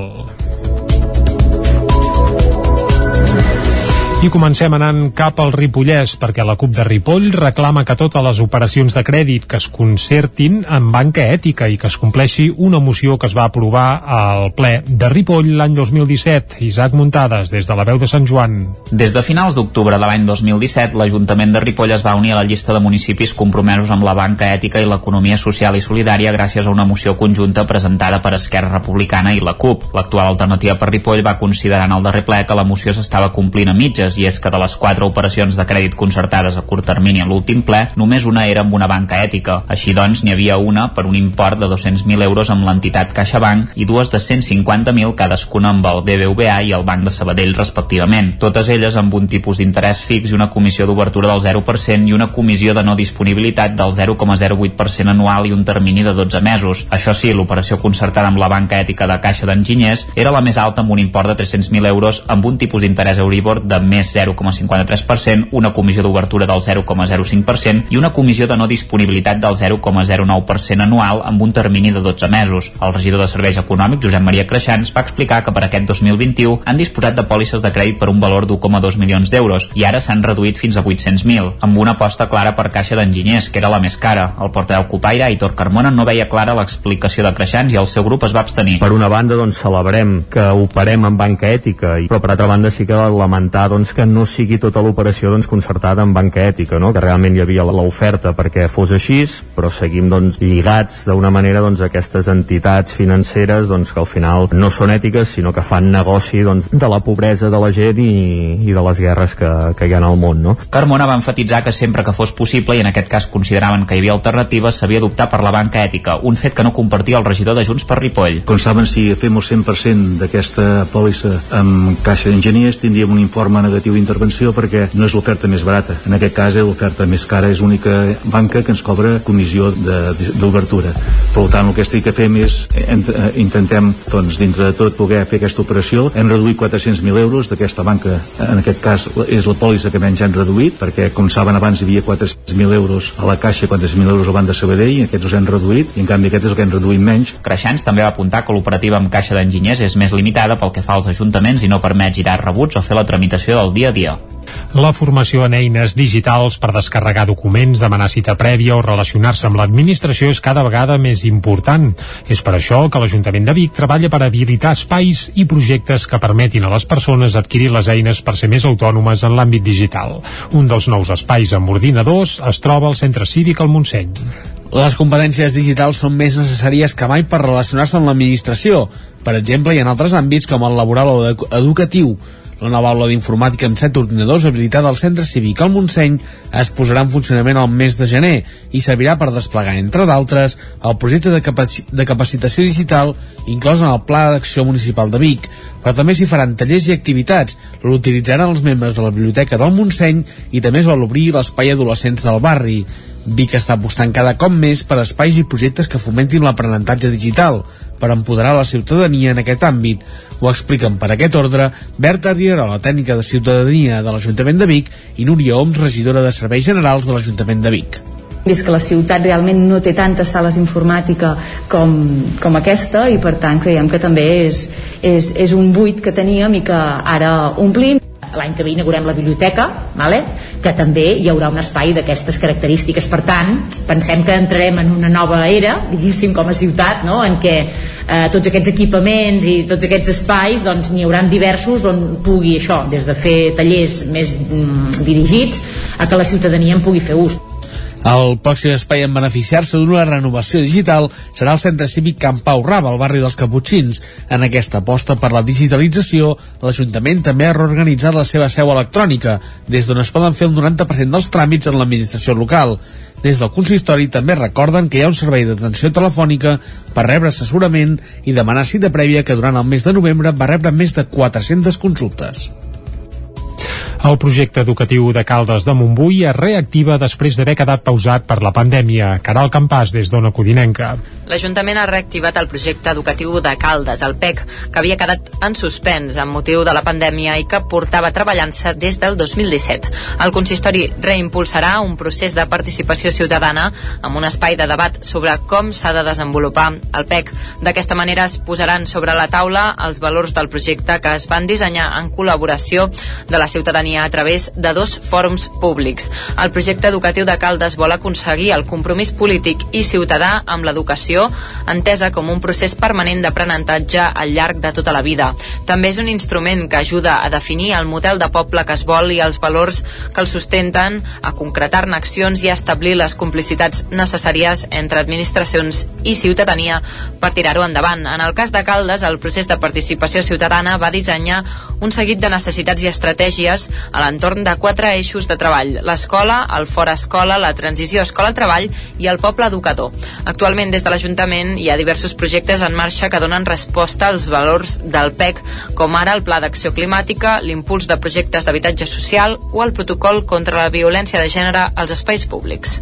En el marc de la Setmana de la Discapacitat, a Cardedeu s'ha organitzat el quart cicle de cinema La Calma, aquest any amb la projecció de documentals i pel·lícules com Campeones. Núria Lázaro, de Ràdio Televisió de Cardedeu. En relació a la Setmana de la Discapacitat, al cinema Esbarjo, junt La Calma, van projectar els documentals Sirena i Imparables, dos documentals on els protagonistes són esportistes amb algun tipus de discapacitat. A més, es mantenia la idea de l'any passat de la taquilla inversa on cada persona ajudava posant la quantitat que ells creien necessària de diners. Un dels protagonistes de La Calma ha estat el Juan José Méndez amb el documental Imparables, una història d'esforç i superació que narra com és la vida d'en Juan José en la preparació dels Jocs de Londres. Juan José. cada vegada que el veig pues, unes, unes sensacions que, que he passat uns moments molt, molt macos perquè era el dia a dia el documental és el que feia cada dia La sessió va ser tot un èxit i va tenir molt bona acollida. El públic va quedar bocabadat amb la història de superació d'en Juan José i el gran treball cinematogràfic del Daniel. La multinacional xinesa de comerç electrònic Awesome té la seva seu espanyola a Balanyà. Des d'allà gestionen a diari 5.000 operacions i calculen facturar 50 milions aquest 2021. Cada dia a les 8 del matí un contenidor procedent de la Xina arriba a les instal·lacions que la multinacional de comerç electrònic Alsom té al carrer Roc Gros de Balanyà. A partir d'aquí comença tota l'operativa diària. Fins a tres camions més passaran durant el dia pel moll d'aquest magatzem a recollir els productes que es distribuiran per tot l'estat espanyol i per Portugal. Quan la multinacional xinesa va desembarcar a Catalunya l'any 2014, ho va fer en aquesta nau, on tenen fins a 6.000 metres quadrats de magatzem dividit en dues plantes. Aquest espai de seguida es va fer petit i disposen ja de dos magatzems més a Sallent, al Bages, amb una superfície de 20.000 metres quadrats i a Valls, al Camp, on des de la, sema, des de la passada primavera compten amb gairebé 30.000 metres quadrats més I és que estem parlant d'una companyia que gestiona diari 5.000 operacions i està entre el top 5 de vendes a Amazon Espanya, el que representa el 60% del seu negoci. En una situació de normalitat, el temps d'arribada dels productes de la central xinesa a Balanyà se situa entre els 3 i 4 mesos. Per això és important fer una previsió de vendes a mitjà en vista. Actualment, amb els endarreriments provocats per la manca de contenidors, l'espera s'allarga, tant que actualment ja estan encarregant els arbres de Nadal per l'any que ve. També s'incrementen els costos i transportar un contenidor ha passat de costar 3.000 euros a 13.000. Aosom Espanya va tancar el 2020 amb una facturació de 35,5 milions d'euros, duplicant la de l'any anterior, i calcula tancar el 2021 arribant als 50 milions. La pandèmia, expliquen, va ajudar a perdre la por per comprar per internet i va ser el punt d'inflexió en les vendes. Com la de Balanyà, Aosom té sis filials més als Estats Units, Canadà, França, Alemanya, Gran Bretanya i Itàlia. Els senglars fan destrosses a la gespa del camp de futbol de Borgunyà. Afortunadament, l'equip local no té cap partit al seu camp fins al proper 18 de desembre, temps suficient perquè recuperi la part malmesa. La setmana passada el camp de futbol de Borgunyà va aparèixer en una zona del terra ben estripada i la gespa destrossada. Durant la nit, un grup de senglars hi va entrar i va aixecar una part del, segle, del cercle central de la gespa natural d'un dels terrenys de joc més emblemàtics d'Osona i amb més història de Catalunya. Fa dos dissabtes el terreny de joc va acollir el derbi local entre el Borgunyà i el Sant Vicenç, que es van emportar els primers per un ajustat 2 a 1. Per sort d'aquest cap de setmana la Lliga s'aturava i l'equip blanc i negre no ha de tornar a jugar al seu camp fins al 18 de desembre, quan haurà de rebre el Tona B. Si no hi ha noves destrosses, la superfície s'hauria de poder recuperar en aquestes dues setmanes. El Borgunyà va celebrar el 2020 els seus 125 anys d'història. En el cicle de vida que compta l'entitat, el terreny de joc ha suportat destrosses de diversa consideració, principalment provocades per la força del riu Ter, que passa a pocs metres del camp. La més recent una de les més importants va ser la tardor del 2018, quan l'aigua va inundar totalment el camp i va impedir que l'equip de futbol hi pogués jugar durant 11 mesos. Doncs bé, de patir per l'aigua, ara hem de patir pels senglars a Borgunyà. Els temps canvien. I fins aquí el butlletí informatiu de les 10, que us hem ofert, com sempre, amb les veus de Caral Campàs, Arnau Joumira, Isaac Muntades i Núria Lázaro. Ara el que toca a Territori 17 és fer una nova ullada a la situació meteorològica. Avui tenim un dia relativament tranquil, però en Pep Acosta ja ens ha avisat a primera hora que no ens confiem, perquè sembla que de cara a demà tornaria el fred, tornaria el vent i tornaria l'hivern amb majúscules. El saludem de nou. Pep, molt bon dia.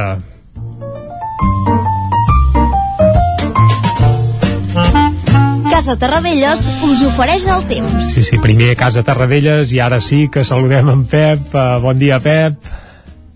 Hola, molt bon dia. Bon dia, bon dia. Aquí no li ha de dir ni el fred, ni el vent, ni la neu, ni la pluja, que aprofiti avui.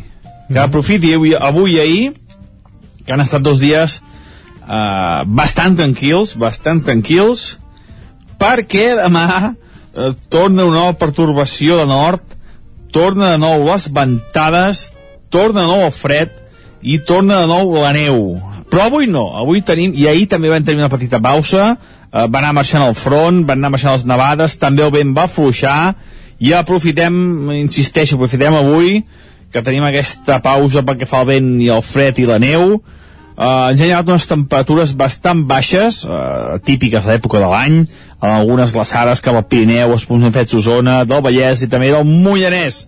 La majoria, per això, la mínimes, entre els 8 i els 3 graus, bastant habituals per l'època de l'any. Fa força sol, però s'anirà carregant el cel, núvols alts, després núvols mitjans, eh, cada vegada més tapat. No sembla que hagin d'haver precipitacions. I tot això comprem també força agradable. Mm -hmm. Les màximes entre els 13 i els 17 graus. Per què? Doncs perquè tenim aquests vents prefrontals, més aviat del sud, sud-sud-est, que aportaran una temperatura més suau a les nostres comarques. Però aquests vents, a partir de demà migdia tarda, comencen a girar cap a nord i tornen a ser moderats a forts, sobretot cap al Vallès Oriental i Moianès. Hi ha una vista al Servei Meteorològic de Catalunya. Precaució al servei, eh, precaució, perdó, al Vallès i al Moianès amb aquests vents de nord, entre nord i ponent, una altra vegada que bufaran demà. Cops de 40, 50, 60 km a, zona, a zones poc, eh, poc habituals als vents, eh, per tant precaució amb les branques, amb els elements que hi hagin a, a les façanes, molta precaució que hi pot haver algun desprendiment de, de materials. I demà eh, només neu una altra vegada cap al Pirineu. La nevada s'intensificarà a partir de demà a la tarda. Es poden acumular 15, 20, 25 centímetres normalment a les zones més altes. Demà el Pirineu eh, contingut, però atenció, a partir de divendres torna una gran ventada cap a la zona del Pirineu. Però com que ja estarem aquí, ho anirem comentant. Que tingueu un molt bon dimarts, un molt bon pont a tots els que ho esteu fent. I tant. I fins al dijous. Ens escoltem dijous. Adéu, bon dia. Doncs vinga, Pep, moltes gràcies. T'escoltarem dijous perquè demà dimecres, dia de la Puríssima, doncs no tindrem territori 17, però ja ens queda clar que pel que fa a meteorologia, demà eh, tornarà les fredurades, tornarà el vent i per tant els que hagin o hàgiu de fer alguna activitat a l'aire lliure, doncs aprofiteu avui, el dia d'avui, que serà segurament el darrer dia de bonança meteorològica. Eh, bé, és un bon dia per anar per exemple a passejar per la Fira de la Vet d'Espinelves pot ser un bon dia per anar a fer un passeig pel Mercat Medieval de Vic o pot ser un bon dia també per anar a patinar sobre gel al Ba de Nadal de Manlleu. Eh, propostes totes elles que s'estan celebrant aquests dies. Eh, la, en el marc ja d'aquestes festes prenadalenques que estem vivint arreu de les nostres contrades. Tanquem ara aquí el bloc meteorològic i de seguida parlarem amb més profunditat del mercat medieval de Vic. Anem-hi. Casa Tarradellas us ha ofert aquest espai. Territori 17. Envia'ns les teves notes de veu per WhatsApp al 646 079 023. 646 079 023. WhatsApp Territori 17.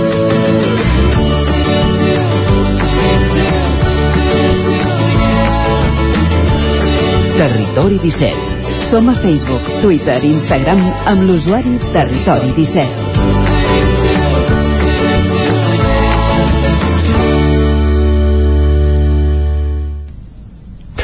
Un quart d'onze del matí, seguim en directe a, Terri a Territori 17 i el que volem explicar-vos ara és que després de l'aturada de l'any passat per culpa de la pandèmia, el Pont de la Puríssima està tornant a oferir imatges de multitud, sobretot a dos punts neuràlgics d'Osona, el Mercat Medieval de Vic i la Fira de l'Avet d'Espinelves. Tots dos van obrir portes el passat dissabte i han estat actius diumenge, ahir dilluns i en el cas del Mercat Medieval encara hi haurà activitat fins demà dimecres a Espinelves. Per cert, l'activitat continuarà encara fins diumenge, per tant teniu oportunitat d'anar a fitxar un navet dels autèntics fins al proper diumenge a l'emblemàtica Fira de l'Avet, que per cert aquest any arriba a la quarantena edició i on també estan d'aniversari és el Mercat Medieval de Vic, que aquest any arriba a les noces d'Argent, el 25è aniversari. Alguns encara recordem com va començar tot plegat i d'allò ja en fa 25 anys anys, una fira que va començar de forma gairebé anecdòtica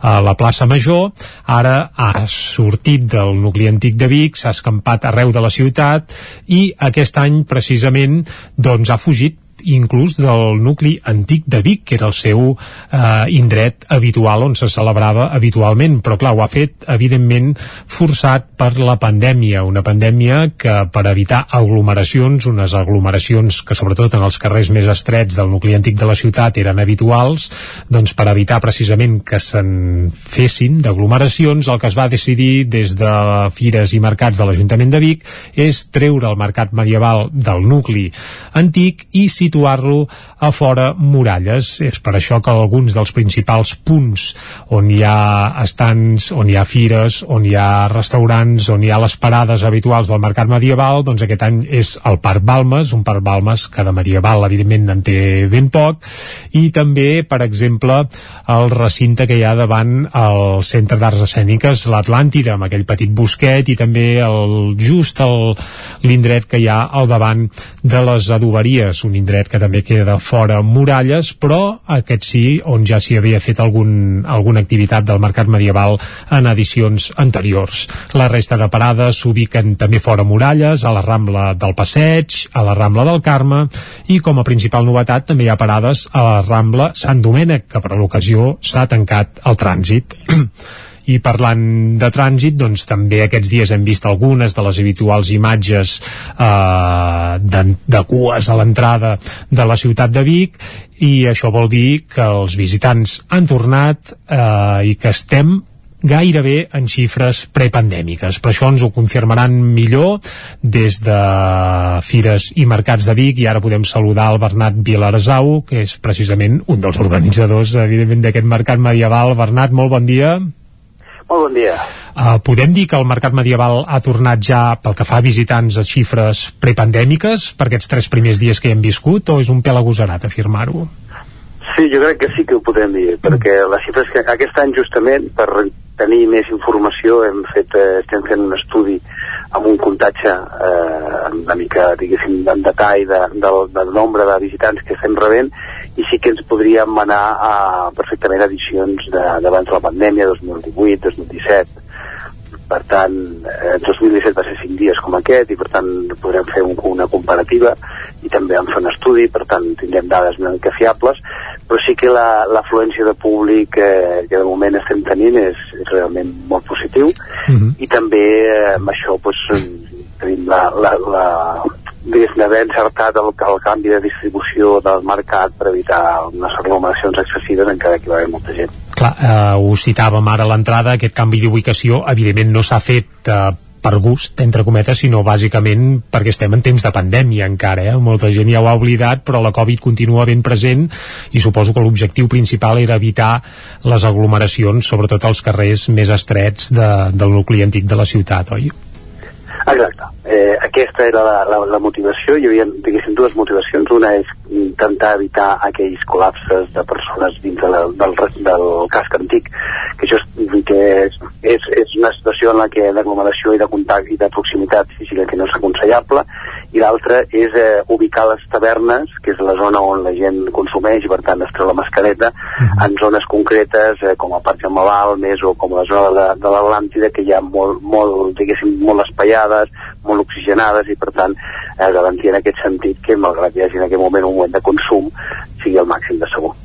Uh, ens has comentat que esteu fent un exhaustiu estudi aquest any per comprovar, saber tant el nombre de visitants com no sé si la seva procedència també, perquè es diu molt que la majoria de gent que s'atansa a Vic pel mercat medieval és de l'àrea metropolitana. Això es pot uh, contrastar també ja amb xifres? Això, això ara mateix no ho sabem, però sí que, històricament eh, sol ser així. I, eh, les dades del 2017, ja veurem aquest any si és el que sí que ens, ens, ens eh, parlen de que al mercat medieval de Vic ve moltíssima gent de la comarca perquè parlaven de xifres que arribaven quasi als 50.000 persones de la comarca que venien.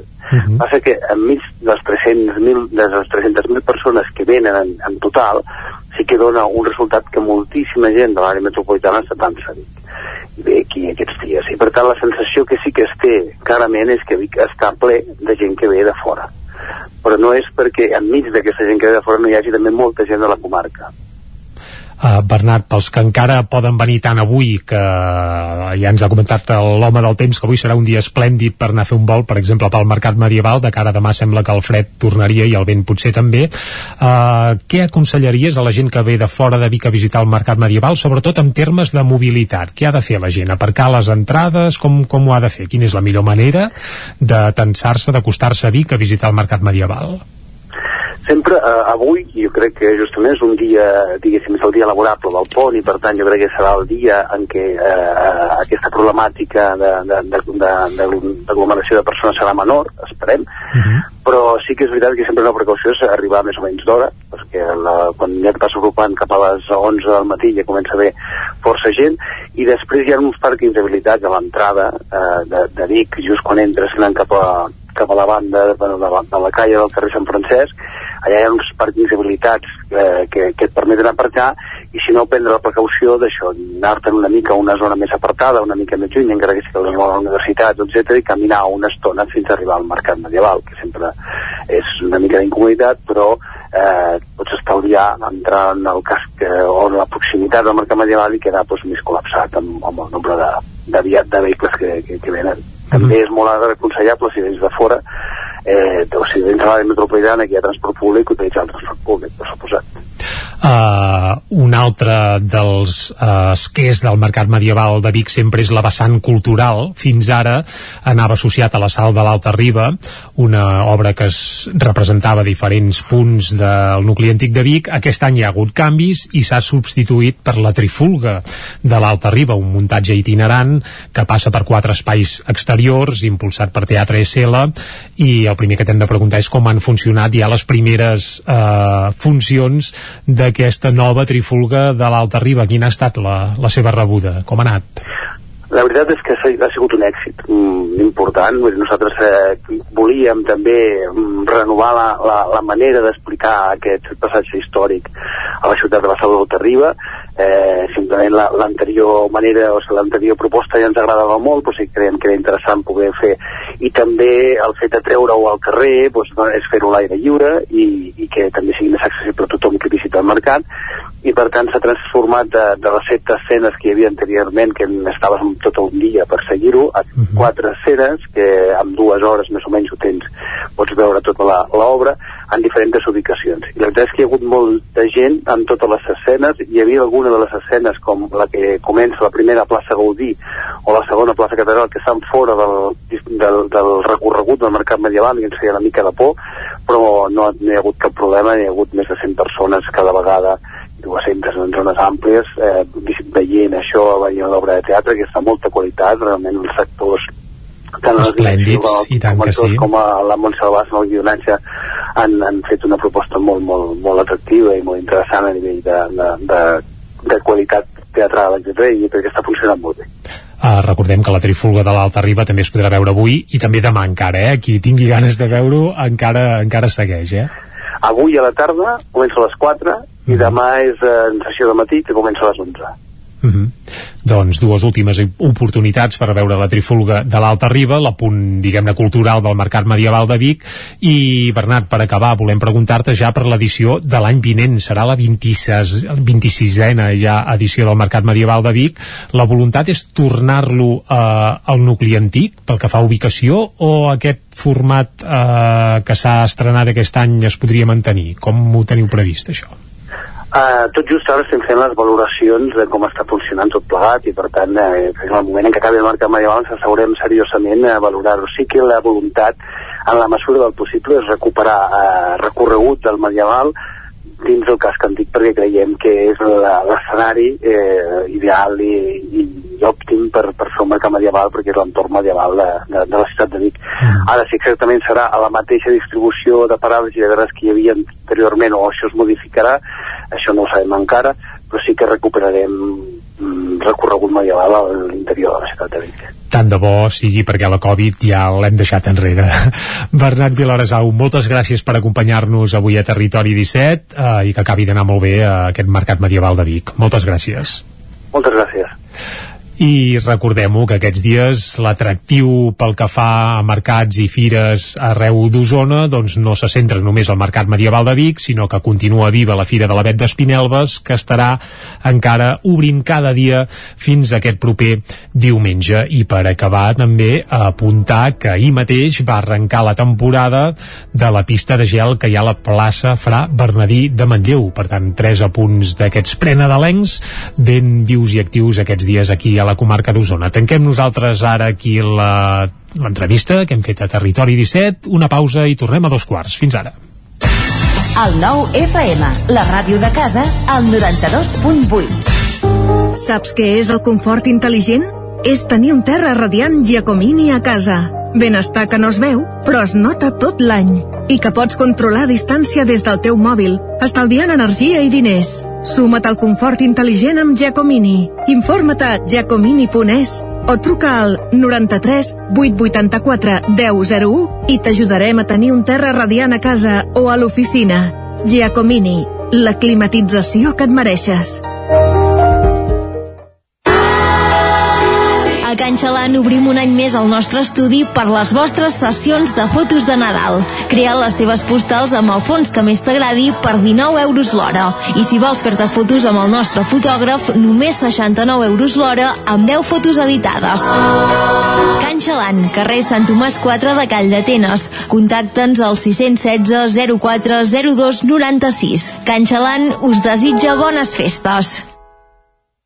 Notícia dolça. Et convidem a venir a descobrir la nostra botiga de cupcakes, brioixeria i barking party. Una festa diferent pel teu petit o petita. La Cakery. Pastissos personalitzats, galetes, cookies, brownies i molt més. Ara ens trobaràs a Vic, al carrer Pla de Balanyà 36, al telèfon 93 886 70 51 i també a Instagram i Facebook. Cefosol, centre de formació de soldadura GURB. Som especialistes en processos de soldadura. Disposem d'instal·lacions totalment equipades per classes de teòrica i pràctica amb cabines individuals i equipaments de seguretat. Assessorem empreses i oferim cursos subvencionats i bonificats. Vine i t'informarem. Cefosol, som al carrer Sant Roc número 21 de GURB. Telèfon 664 206 192. També ens trobaràs a cefosol.com i a YouTube. Autoscola Montseny. Ara és el moment de fer els cursos de teòrica intensius, ràpid i eficaç. T'informarem dels PACs, permís de moto de 16 i 18 anys i permís de cotxe. I si vens a veure'ns, tindràs un obsequi. Apunta't i no t'ho pensis més. Per més informació, Autoscola Montseny, Rambla de Vallades, número 13 de Vic. Busca'ns a Instagram i Facebook. Autoscola Montseny us desitja unes bones festes.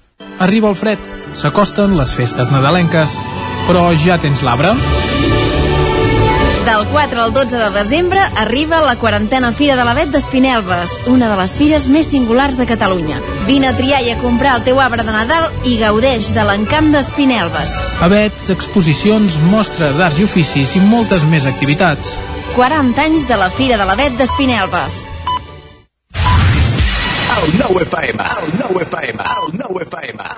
Territori 17. Dos quarts d'onze en punt del matí, seguim en directe a Territori 17 i quan arribem a l'equador del programa cada dia ens visita en Guillem Sánchez i ja el tenim aquí. Guillem, bon dia. Què tal, com estem? Uh, molt bé, molt bé, vos també, sí? I tant, recuperat, recuperat d'aquests dies de, de festa. Sempre ah, va bé per, has, per has agafar festa, forces, eh? carregar piles i... Però avui no fas pont, eh? No, avui no, avui no. Avui som aquí per acostar l'actualitat de les xarxes i de Twitter a, a tots els que ens Deixa'm, estiguin. deixa'm avançar-te que demà sí que farem festa. Per tant, et tornem a donar festa demà, va. Moltes gràcies. Però dijous t'esperarem de nou, eh? Perfecte. Però va, abans de parlar de calendaris, eh, capbussem-nos a Twitter i avui què ens destaques o què ens, hi, què ens acostes del que s'hi cou? Us acosto que la gent ha aprofitat aquests dies de festa per fer tres activitats que estan comptades, que són les que ens recorda la Secret. Diu, poques som les persones que aquests dies no hem anat ni a esquiar, ni al Mercat Medieval de Vic, ni a cap mercat nadalenc. Un plaer, som la resistència. Per tant, És les a dir, tres... hi ha gent que no ha anat ni a Espinelves, ni a Vic, ni a esquiar? Correcte. Es, Val. es, es veu que sí. En coneixes algun, tu? Jo mateix, jo ah, mateix, tu per exemple. mateix, ostres, val. Doncs va, par parlant d'aquest mercat medieval de Vic, no sé si esteu d'acord amb aquesta opinió que ens comparteix la Curni, ens diu una fira medieval sense parada de la Inquisició em sembla un fake incomplert i buit de sentit. En aquest sentit, la Marta li respon si no hi ha una paradeta amb un escrivà copiant llibres, no és la meva fira medieval i en acabat al vespre crema de llibres. Bé, suposo que tothom hi troba sempre a faltar alguna cosa o... Bé, dissabte el que s'hi va cremar va ser una bandera, per exemple. o seria un altre, un altre tema. un, al un altre tipus de Sí. fira. I en Patrick també ens vol compartir una situació viscuda a la capital d'Osona aquests dies de festa. Ens diu Mercat Medieval de Vic, parades d'embotits, creps, etc. De sobte sona Fiesta Pagana de Mago de Oz. Un pare ho escolta i somriu, obrint molt els ulls i balla fent salts amb els seus peus mentre recorda un passat passadíssim. Mira els fills, els fills miren el mòbil i el món segueix. Bé, ens quedem amb Mago de Oz, va, que evidentment eh, amb el so que, que deixen anar no sonen a grup medieval, però com que tenen aquell aire una mica celta, doncs bé, Correcte. hi transporten una mica en aquella època. De fet, hi ha molts usuaris que li han demanat a en Patrick si ell mateix era el pare i ho estava escrivint en, en tercera persona i en Patrick mateix ha respost, diu, no, però per poc, vaja, fins que soni sarri sarri. Ole, home, això sí que és medieval. Molt bé. Doncs va, canviant de tema però no d'època, ja ha arribat el tió a casa vostra. Uh, Jordi, no sé si... si Mira, ha a casa meva es va presentar ahir. Va arribar per darrere, bé, per allà als marges de Vilaseca i el vam anar a ensopegar allà darrere, sí, sí. És que es veu que hi ha molt debat a les xarxes sobre la procedència del tió, com per exemple ens escriu en Frank i diu, a veure, una cosa, vosaltres no teníeu el tió guardat a casa durant tot l'any sense problema i quan arribava el Nadal s'agafava i es posava al seu lloc? És la pregunta que fa en Franqui. Quan hi ha infants a casa s'ha d'embolicar bé i, escolta, la 13 s'ha de cuidar molt, eh? No entrarem en gaires detalls, que avui és festiu a les Correcte. escoles i molts infants ens estan seguint, però els tions és un misteri i a cada casa n'hi ha que apareixen a dins de casa, n'hi ha que els van a recollir els boscos, n'hi ha que apareixen al pati de casa, n'hi ha que... És, és que cada tió és màgia, Guillem, hi ha de, màgia aquí. De fet, jo sóc molt de l'opinió de, de l'Àgata que diu, a veure, que a casa el padrí sempre l'havia anat a buscar al bosc, però era un tronc ben gros amb un nus ben gran. Jo també tinc record amb els avis i amb els tiets d'anar al bosc i, curiosament, el lloc on deia l'avi que s'havia d'anar a buscar, el tio sempre apareixia allà. Per tant, també qüestions màgiques suposo que, que només hi havia entre... Bé, és que els tions són ferms de les tradicions i sempre acostumen a aparèixer pels mateixos indrets, també és cert, eh? I l'usuari Sanauja en relata també la següent situació vinculada amb els tions. Ens diu, m'ha aturat el Guàrdia Civil perquè porto un tronc a la maleta i jo dient, és un tio, m'ofego. Coses Sí. que poden passar. Coses que poden passar. Més coses, va. Va, i avui és un d'aquells dies que molta gent ha aprofitat per, per fer pont, com dèiem, però alguns també treballem. L'usuari Seitor Petit ja té assumit que tindrà pocs dies de festa les següents setmanes. Diu, treballo el 6, el 8, el 24, el 25, el 26 i 31 de desembre i l'1 de gener. Carai, Diu, on s'ha de recollir el premi a pringat de l'any? Si més no el que podem fer nosaltres és donar-li ànims a, en, en, en aquest usuari perquè, bueno, que, que Ànims i de- felicitacions i segur que si treballa és a fi de bé, per tant, eh, escolta... De fet, ell, ell mateix ens afegeix em quedaré sense amics, però seré fastigosament ric, que és una visió parcial una mica de- d'aquesta si situació, i en Jesús també li contesta jo vaig treballar tota la vida aquestes dates i al final t'hi acostumes sempre que recuperis la festa un altre dia. Jo no he perdut amics per treballar en festa i he sortit de juerga amb els que com jo treballaven. Per tant, la solució és ben fàcil, sortir de juerga amb els que també treballin el 24, el 25, el 26, el 31 i l'1 de gener. Fantàstic. Uh, Guillem, et donem festa demà, va. Gràcies. Parlant de treballar i de fer festa, t'esperem dijous de nou. Perfecte. I nosaltres ara, abans d'anar a la taula de redacció, una ullada molt ràpida a les portades del 99.cat. Ara mateix, al Vallès Oriental, el 99.cat obre explicant que hi ha un degoteig d'obertures al centre de Granollers, obertures de noves botigues i nous comerços, cosa que és per celebrar-ho. I també eh, s'explica que els amos de la finca de la Sati a la Garriga tanquen l'acord per fer una nau de 25 metres, 25.000 metres, 25.000, ja ho direm bé, per a la logística i també que els cinc jutjats de Mollet funcionaran dues setmanes més només amb una jutgessa. Anem cap a l'edició d'Osona i el Ripollès, la portada del 99.cat ara mateix és per 50 Nadals del La Creu de Gurt i és que resulta que hi ha un gurbatà, que és l'Antoni Anguera, que fa 50 anys que puja cada dia de Nadal a la Creu de Gurt ininterrompudament des de això, des de fa 50 anys, cada dia per Nadal s'enfila fins al cim de la Creu de Gurb a aquest gurbatà l'Antoni Anguera. També s'explica que Ad Fosset gestionarà la llibreria d'Alfi que hi ha al barri de l'estadi de Vic i que tanca la històrica merceria Giral de Vic, una merceria que és més que centenària i que tanca portes. A Granollers n'obren, a Vic en tanquen de comerços. Això és el que tenim ara mateix a les portades del 99.cat i ara el que ens tocarà és anar cap a la taula de redacció.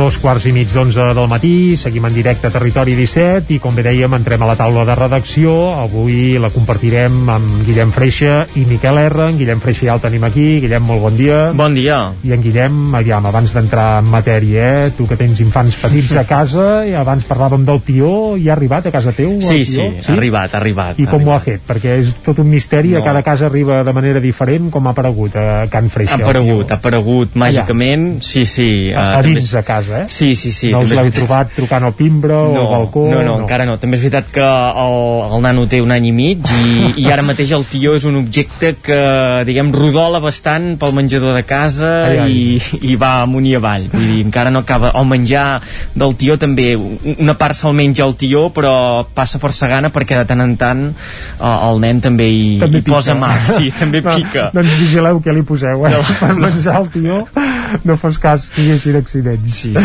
Doncs va, que cagui molt, engreixeu-lo bé i per Nadal, aviam, aviam com raja. Però no parlarem de tions, eh? Guillem, ara? No, exacte. Parlarem de...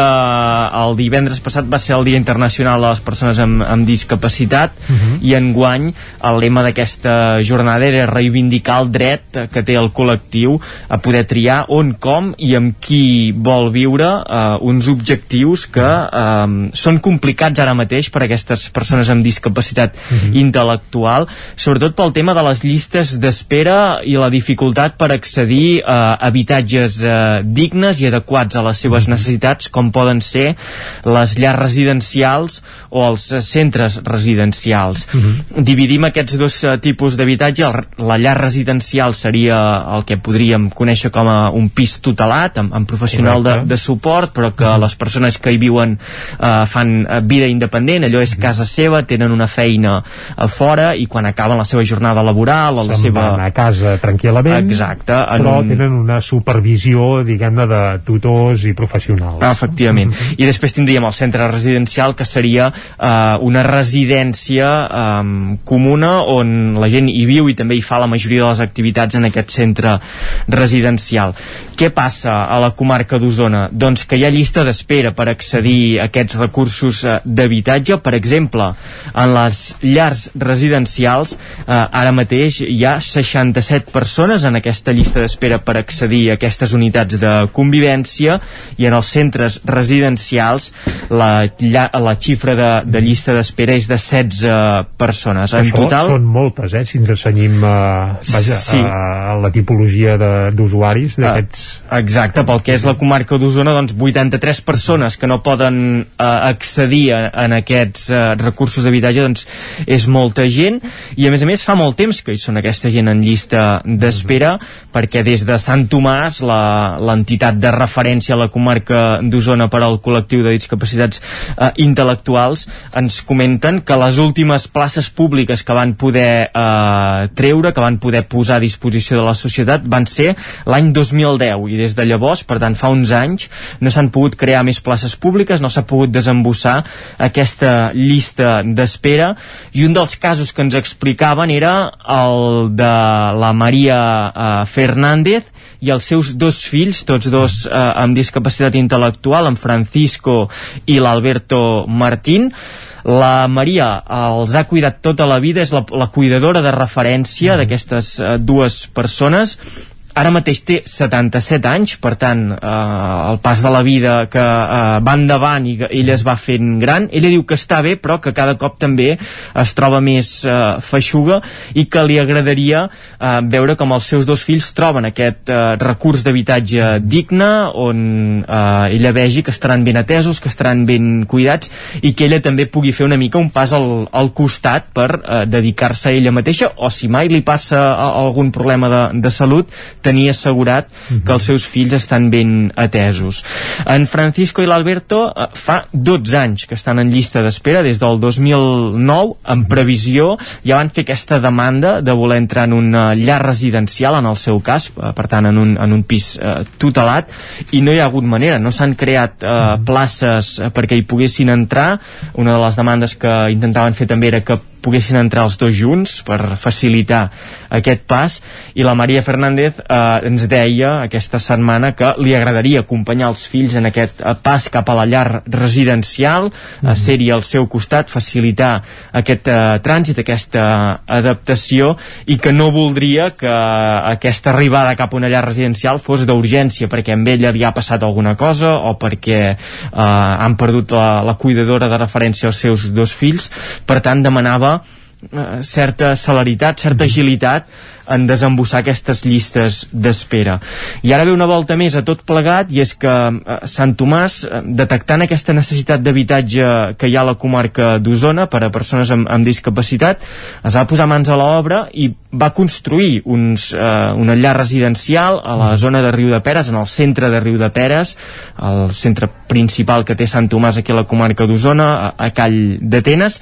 Es van crear eh, 12 places, uh -huh. es van acabar les obres al juliol del 2020, però estan tancades. No, no hi viu ningú en aquesta llar residencial perquè el, la Generalitat de Catalunya encara no ha aportat la dotació pressupostària, la dotació econòmica per crear aquestes uh, places uh, públiques i que hi pugui entrar els, els usuaris. Per tant, ens trobem amb la paradoxa que hi ha gent que no té places però és que hi ha places a punt per posar-se en funcionament sense que hi entri eh, la gent. Aquestes 12 places hi van poder entrar, eh, tot està a punt per, per entrar-hi mm. a viure, però falta aquesta dotació pressupostària per crear aquestes places concertades amb el suport de, de la Generalitat i, i no, no hi ha manera. Nosaltres hem fet la consulta amb el Departament d'Acció Social ens diuen que per aquest cas concret no ens poden donar una resposta eh, concreta, valgui la, la redundància, però sí que remeten a les paraules de Violant Cervera, la consellera d'Acció Social, en seu parlamentària, on deia que la prioritat dels pressupostos que s'estan tramitant és l'atenció a aquestes persones amb discapacitat i que la creació de noves eh, places doncs, eh, es farà tenint en compte la situació de, de Catalunya, analitzant què és el que fa falta en cada territori, que per això s'està s'està fent un mapa de, de necessitats. Osona té aquest problema, l'àrea metropolitana també es troba amb aquest problema, però per contra, per exemple, el Ripollès crec que ho, Correcte, la setmana passada en parlàvem amb l'Isaac Muntades i és un tema que gràcies sobretot a la bona tasca que fan des de la Fundació MAP doncs mm -hmm. tenen resolt o tindrien força resolt en el cas del Ripollès, d'això en parlàvem la setmana passada aquí mateix a Territori 17. Exacte. No seria el cas d'Osona. No, el, el Ripollès l'oferta de places mm -hmm. encaixa amb, amb la demanda que, que hi ha, aquí no, i s'està a l'espera de veure si aquests nous pressupostos de la Generalitat detecten aquesta necessitat aquí a la comarca d'Osona, es pot fer aquesta dotació eh, pressupostària i que entrin en, en funcionament aquestes 12 places, que no solucionaran la llista d'espera, però sí que ens deien des de Sant Tomàs que es donaria resposta a les demandes i a les situacions més urgents que tenen en, en la llista d'espera doncs, d'aquí a la comarca. Tant de bo això es pugui desencallar ben aviat i que puguem veure ja aquests eh, habitacles de Riu de Peres doncs, plens, que és com tocaria. Guillem, moltes gràcies. Gràcies, adeu. I anem ara a saludar en Miquel R, que ens explicarà que hi ha uns aliments, que no sé quins són, però ho sabem de seguida, que representaran la comarca d'Osona uh, des, de, des de ja mateix, no, Miquel? Bon des dia. de ja mateix, uh, bon dia. Això és la culminació del projecte que es va anomenar Feta Osona, Aliments Excel·lents, que impulsava el Consell Comarcal d'Osona i Osona Turisme, mm -hmm. uh, amb la, inicialment pensant en, en, en crear una cistella de 10 aliments que, que siguin representatius, no? que tinguin allò criteris d'autenticitat, de, de rigor, de territori, que Clar, tothom pensa en la llonganissa, Osona, llonganissa. Correcte, com ja tothom pensa en la llonganissa, sí la llangonissa ja li van donar directament un lloc a la final. Val, per, per tant, aquesta ja, ja per què? Perquè és l'únic producte alimentari que compta específicament amb una IGP pròpia i per tant, diguéssim que tots els barems de qualitat ja els té, ja els té superats. Aquest va passar directament a la final i la resta es va encetar un procés en què tots els productors i elaboradors de la comarca podien presentar els seus productes. Uh -huh. Se'n van presentar una cinquantena, Uh, hi va haver una primera criba per temes formals el que sigui, van quedar 35 que es van passar uh, al mes d'octubre a una segona fase en què una colla d'experts uh -huh. uh, experts tant interns de, de, del Consell Comarcal com externs uh, fe, van fer una mica un tast no? que es diu organolèptic uh -huh. i d'aquests van triar i suposem que també carnal gairebé correcte, eh? Sí, eh? de, de cada un d'aquests uh, i van, van escollir dos finalistes per cada una de les categories eh? hi havia categories de formatges, d'embotits cuits doncs de begudes, cada, cada categoria perquè esclar, no, no podríem posar tot el mateix eh, en van escollir dos de finalistes i aquests es, van, es va obrir un procés de, de, de votació popular per tant, eh, en últim terme votava qui volia. Votava qui volia que es van rebre, doncs, eh, van haver-hi més de 6.000 persones que van votar que escollia entre els dos finalistes de cada categoria. Uh -huh. Quins són aquests sis productes que Doncs acompanyen va, ja, ja eh, salivem per saber-ho, va. doncs mira, la botifarra d'ou que fan a la carnisseria i cancel·laderia Codina de Taradell eh, una- Botifarra d'ou. botifarra d'ou. Aquesta vull dir que és una, una cancel·laderia que, que ha guanyat ja diferents premis en, en diferents concursos per tant ja porten una bona trajectòria. El jove de cabra, un formatge eh, elaborat amb llet crua de cabra del formatges Riu de Vets de l'Esquirol, una formatgeria molt jove i per tant eh, premis diguéssim pels nous emprenedors del món dels formatges que n'estan sortint i de molt potents. Un, en, i, i de- d'una formatgeria jove eh, a, a una empresa centenària seria? Destileries Bosch Ratafia Bosch Ratafia, quin clàssic, que la hi ha ratafia. colat la seva ratafia reserva que està tenint ara, diguéssim que és el, el producte estrella d'aquesta destileria centenàries de Sant Quirze de Besora doncs també hi haurà una ratafia en aquesta cistella de productes representatius i tenim el pa de set llavors que fan a Mascorcó, Pagesos i Forners de Manlleu com un pa específic també amb, amb molta entitat el pa de pessic de la, pastisseria, de la pastisseria El Bruguer, el pa de pessic que a vegades sembla que el tinguem ja una mica oblidat, que d'allò, però encara Però hi ha encara hi és, alguns, eh? eh? I- alguns i- elaboradors, diguéssim, amb la categoria de, de salats de fleca, ah, eh, perdó, de dolços de fleca i pastisseria, doncs el, el pa de pessic, i com a productes vegetals, el guanyador ha estat el caldo silvestre de Sambucus, eh? Mm, que elaboren amb, amb, amb plantes aromàtiques i medicinals que cullen a Mas Vinyoles de Sant Pere i que elaboren aquesta empresa de, de Manlleu. Per tant, Ostres, ens, aquests ens has fet productes- venir una gana, Miquel, que és terrible, eh, això, a aquestes Doncs, hores ja, que ens atentem. Quin és el premi que guanyen eh, aquests guanyadors? Primera, com Exacte. que també hi ha una implicació de creació, eh, hi haurà també un acompanyament per, per, per de cara a la, a la difusió d'aquests productes, a donar a conèixer aquests projectes, per tant, un acompanyament o un reimpuls empresarial de cada un d'aquests projectes, i a més a més, ja dic, aquesta cistella formarà part d'actes representatius en el que participa Osona Turisme o, o el Consell Comarcal, quan hi hagin actes, doncs aquest serà una mica el, el present, eh, L'emblema la, la carta de benvinguda exacte. alimentària, per tant, això. I això, Miquel, és etern ja o com funciona? Correcte, Perquè, clar, bona pregunta. dius, ostres, potser aquesta botifarra d'ou d'aquí dos o tres anys deixen de fer-la o canvia o... Tres anys. I Ah, l'objectiu és cada tres anys Mhm. tornar a convocar el concurs, per tant, productes nous que representin un temps per això mateix que Mhm. dius, perquè, primera, que n'hi ha molts que poden entrar a aquesta I tant, cistella. i tant. Actualment, eh, diguéssim que la fase inicial que era presentar-se se van presentar una cinquantena. Segur que Mhm. en funció del ressò que tingui això, hi haurà molts més candidats a optar a formar part d'aquesta cistella. Per tant, d'aquí tres anys, eleccions noves, entre eleccions cometes. noves, eh? eh, exacte, hem de veure, ja m'imagino que els que ja ho han set eh, no podran tornar a concursar, això eh, ho dic així per, per lògica, però vull dir que hi ha molts més productes per entrar a aquesta, a aquesta categoria d'aliments excel·lents. Doncs, Miquel, et deixem anar a esmorzar, eh? que segur que t'ha entrat la gana. També parlant de, parlant de teca. Moltes gràcies. Tanquem aquí a la taula de redacció, que avui hem fet amb Guillem Freixa i Miquel R. I de seguida parlem d'esports, aquí a Territori 17.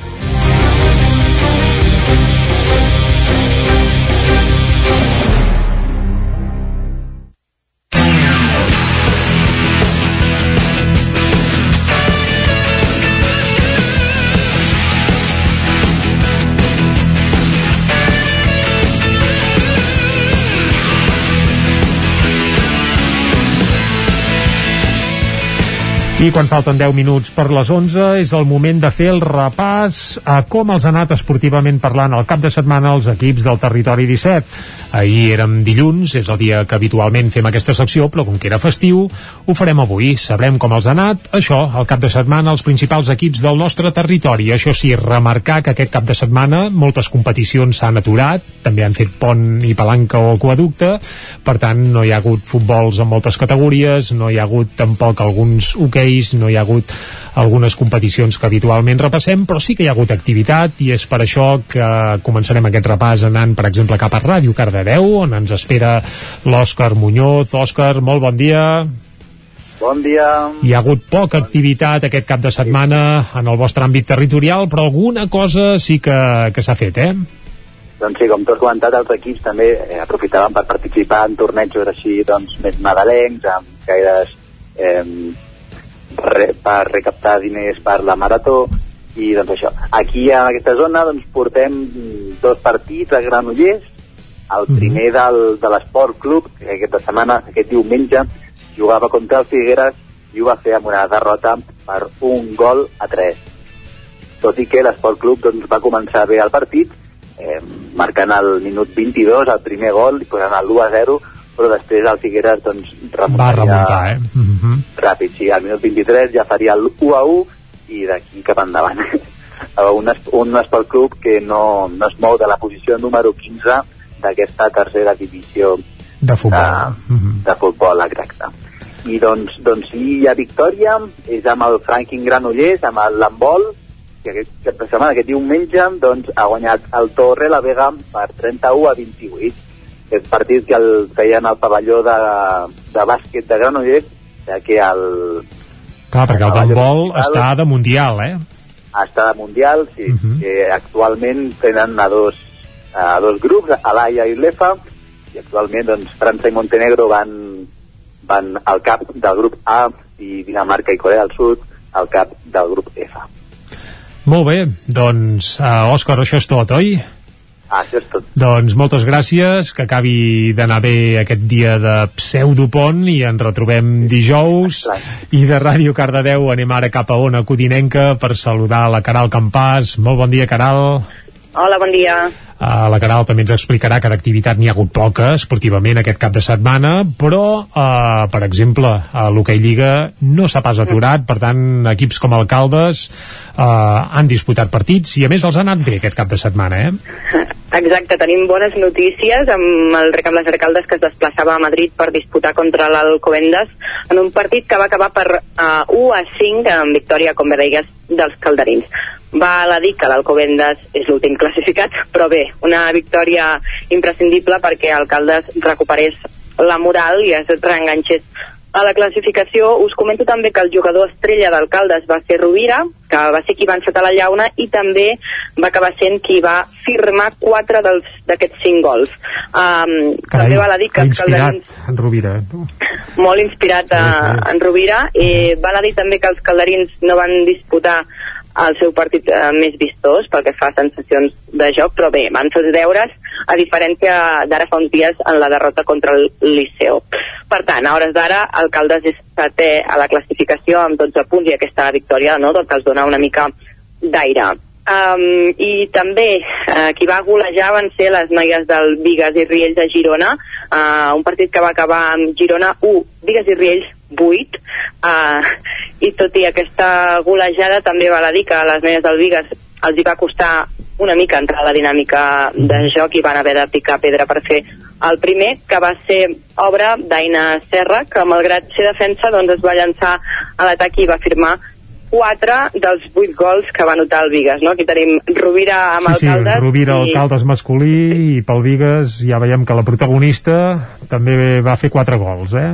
quatre gols, la- l'Aina Serra. L'Aina Eh, Serra, per tant, veiem que mica en mica el Vigues doncs, es troba còmode a la pista, va resolent els errors no forçats i, la falta de punteria que els havia condemnat doncs, um, en d'altres partits. Ara mateix uh, les noies del Vigues són setenes amb 9 punts.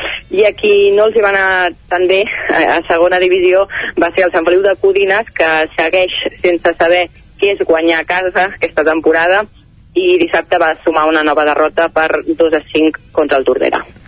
Molt bé, doncs Caral, moltes gràcies. A vosaltres. Vinga, que vagi molt bé i dona Codinenca, anem ara cap al 9 FM amb l'Ester Rovira per saber com els ha anat el cap de setmana esportivament parlant, els equips eh, d'Osona. Ester, molt bon dia. Bon dia. Cap de setmana amb males notícies sí. a l'Hockey Lliga, eh? En línies generals, eh, mal cap de setmana ja de... podrien haver fet pont i palanca tots, eh? perquè alguns potser eh, mentalment ja hi estaven una mica, o no, a jutjar pels resultats. Però Sí. va, repassem-ho abans Va, de... comencem. de cullerada, sí. Un dels partits que sempre genera doncs, interès són les visites de, del Barça. Uh, aquest cap de setmana uh, visitava Manlleu i els locals que van perdre per 2 a 13. 2 a 13, això és una golejada a que a l'hoquei patins no és gaire habitual, eh? No, a més a més van aprofitar un mal inici dels, dels locals i, i bé, uh, és això, no cal que els repassem perquè uh, 13 gols uh, Són encara, molts, encara demà hi molts, sí, seríem, sí, però, però sí, sí. Uh, era un partit especial perquè evidentment el, el Manlleu que debuta aquesta temporada a a l'Hockey Lliga i que torna per tercera vegada en la seva història doncs és un partit important però bé també ja se sap que segurament és, Sí, el és dels partits Barça més, segurament és l'equip, evidentment és líder. Eh, més complicat sí, sí. per alguna cosa deu ser, sí, sí. Doncs això, mm, poca història, ja et dic, mal inici i evidentment doncs uh, bé, segurament el Manlleu El ja no comptava amb aquests punts No, eh? no, però, no, no. però bé el, el, eh, que el t'enclavin Manlleu de fet 13, ara comença el, El- el Tourmalet, que es diu, eh? sí, Sí, el, el clàssic. Tourmalet i per tant seran partits complicats on, on li costarà puntuar eh? però bé, el primer casa ja, ja no li van sortir bé les, les coses i tampoc li van anar bé al Voltregà que visitava la pista del, del Calafell eh, i en un, també en un molt mal primer temps eh, els eh, blanc i blaus que van perdre per 3 a 1 sí que van millorar la segona part però la reacció va arribar tard i per tant no va servir tampoc per, per puntuar. Um, ara són 9è i 12è a la classificació 9è el Manlleu amb 10 punts i 12è el Voltregà amb, amb 7 uh, bé uh, una, tempo- qüestió una temporada. Una mica, sí, sí, sí, una sobretot temporada el on, on en general a cap dels dos no els acaben d'anar uh, massa bé les coses. En el cas del Manlleu uh, home no està malament tenint en compte que, que és la de, la de debut però que no el Voltregà que la temporada passada va acabar setè i que va anar bona part entre el cinquè i el sisè lloc. Doncs aquest any els resultats no, no l'acaben d'acompanyar. Va, tant de bo a partir del cap de setmana que ve, la truita es giri, seguim amb veure, l'hoquei, esperem però que deixem l'hoquei Lliga, Esther, a l'hoquei Lliga, sí, a l'hoquei Lliga femenina. Aquí sí que de moment els resultats l'estan acompanyant és el Martinelli a Manlleu que ja Mhm. va sumar la cinquena victòria en cinc jornades de, Cinc de de cinc. competició 5 de 5 per al Manlleu uh, aquest cap de setmana superant el Sant Cugat a domicili per 0 a 4 i en un partit doncs uh, treballat de les, de les de Jordi Boada que uh, continuen segones a la classificació empatades a 15 punts amb el Vilassana que per diferència de gols a, a favor doncs és qui lidera la, la classificació i ara ja s'han distanciat ells dos el, els dos uh, equips al capdavant de, de la classificació eh? Vilassana i Manlleu que en tenen 15 i per darrere seu el Telecable Gijón que en té dos menys, que en té 13 i que és l'equip que aquest cap de setmana va superar el Voltregà Sant Hipòlit per 0 a 2 um, ja fa dies que ho diem que al Voltregà li falta gol doncs es va poder veure aquest cap de setmana i gràcies a la bona intervenció d'Uxue Eutegui no van arribar més gols eh, de, de les asturianes. Va ser, van ser aquests dos. Uh, però bé, el principal problema és que el Voltregà arriba no però no acaba, de, no acaba de marcar i per tant doncs així difícilment es, Doncs es guanyen tocarà afinar la punteria sí, es a guanyen partits. enfrontaments. i com que uh, porten només uh, 3 punts doncs ocupen l'onzena posició de l'hoquei Lliga Femenina al. Voltregà aquesta temporada. Recordem que uh, hi ha jornada intersetmanal a l'hoquei Lliga Femenina. Aquest vespre Mhm. el Manlleu rep el Girona mentre que el Voltregà visita demà el Cerdanyola. Uh, també partit complicat aquest a la pista del, del Cerdanyola que és el quart classificat. Veurem com van les coses en aquesta jornada Doncs intersetmanal molta sort pel Manlleu i també pel Voltregà. de l'hoquei Lliga Femenina. A l'hoquei Lliga a l'hoquei Plata, Lliga Plata. eh, només va jugar finalment el Patí Vic perquè uh es va ajornar el partit de, del Taradell amb el Xum per un positiu a la plantilla de, de l'equip de, De Massanet. de Massanet uh, i en canvi sí que ho va fer el Patí Vic que visitava la, vista de, la pista de l'Alpicat i va treure un punt uh, després de capgirar el marcador a la, a la segona part uh, encara eren quatre empats consecutius Sí, empata Mm, molt aquest Vic, eh? Sí, però bé, en, en tot cas eh, és important anar puntuant, ara porten 10 punts, els mateixos que, que el Taradell i són vuitens a la, a la classificació, mentre que el Taradell és, és setè.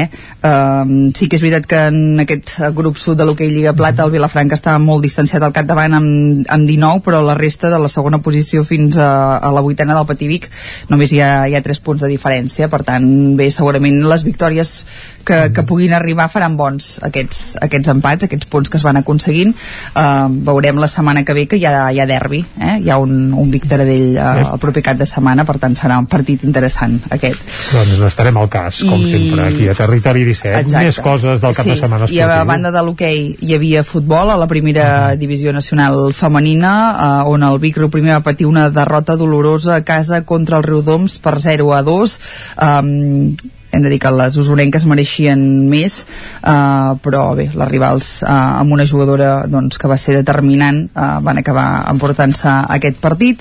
I també hi havia jornada a la superdivisió femenina de tennis taula i també derrota, per això deia que en general mal cap Carai, de cap setmana de per setmana l'esport usonenc fluixot, sí, sí. tret del Martinelli a Manlleu de l'hoquei Lliga mm, femenina i el Mhm. Pativic que va treure un empat a domicili la resta no han estat bons resultats. Deia això, eh, derrota ajustada del Girbau Vic TT a casa contra el Tramuntana Figueres per 3 a, a 4 uh, les biguetans que aconsegueixen empatar un partit que perdien 0 a 3 però en el darrer enfrontament doncs, es van imposar les de l'Empordà i ara mateix doncs, el Gervau Vic que és quart uh, en aquest grup 1 de la superdivisió femenina de, de tenis taula. Doncs Esther, moltes gràcies i tant de bo dilluns que ve quan ens visitis de nou puguem explicar més bones notícies perquè aquest cap de setmana passat eh, esportivament parlant no ha sigut dels millors pels equips de casa nostra. Exacte, esperem que vagi bé. Vinga, moltes gràcies i nosaltres quan passen dos minutets de les 11 del matí actualitzem butlletí informatiu aquí a Territori 17 acostant-vos com sempre a l'actualitat de casa nostra, l'actualitat de les comarques del Ripollès, Osona, el Moianès i el Vallès Oriental. Territori 17, amb Isaac Moreno i Jordi Sunyer.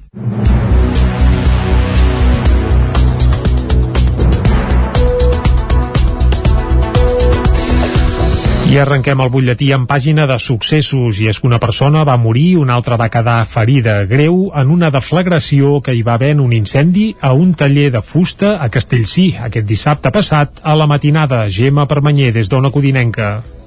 Consternació al municipi de Castellcí, al Moianès, on la matinada d'aquest dissabte s'ha produït una deflagració amb incendi en un taller de fusteria que ha provocat la mort d'una persona i n'ha deixat una altra de ferida greu, traslladada a la Vall d'Hebron.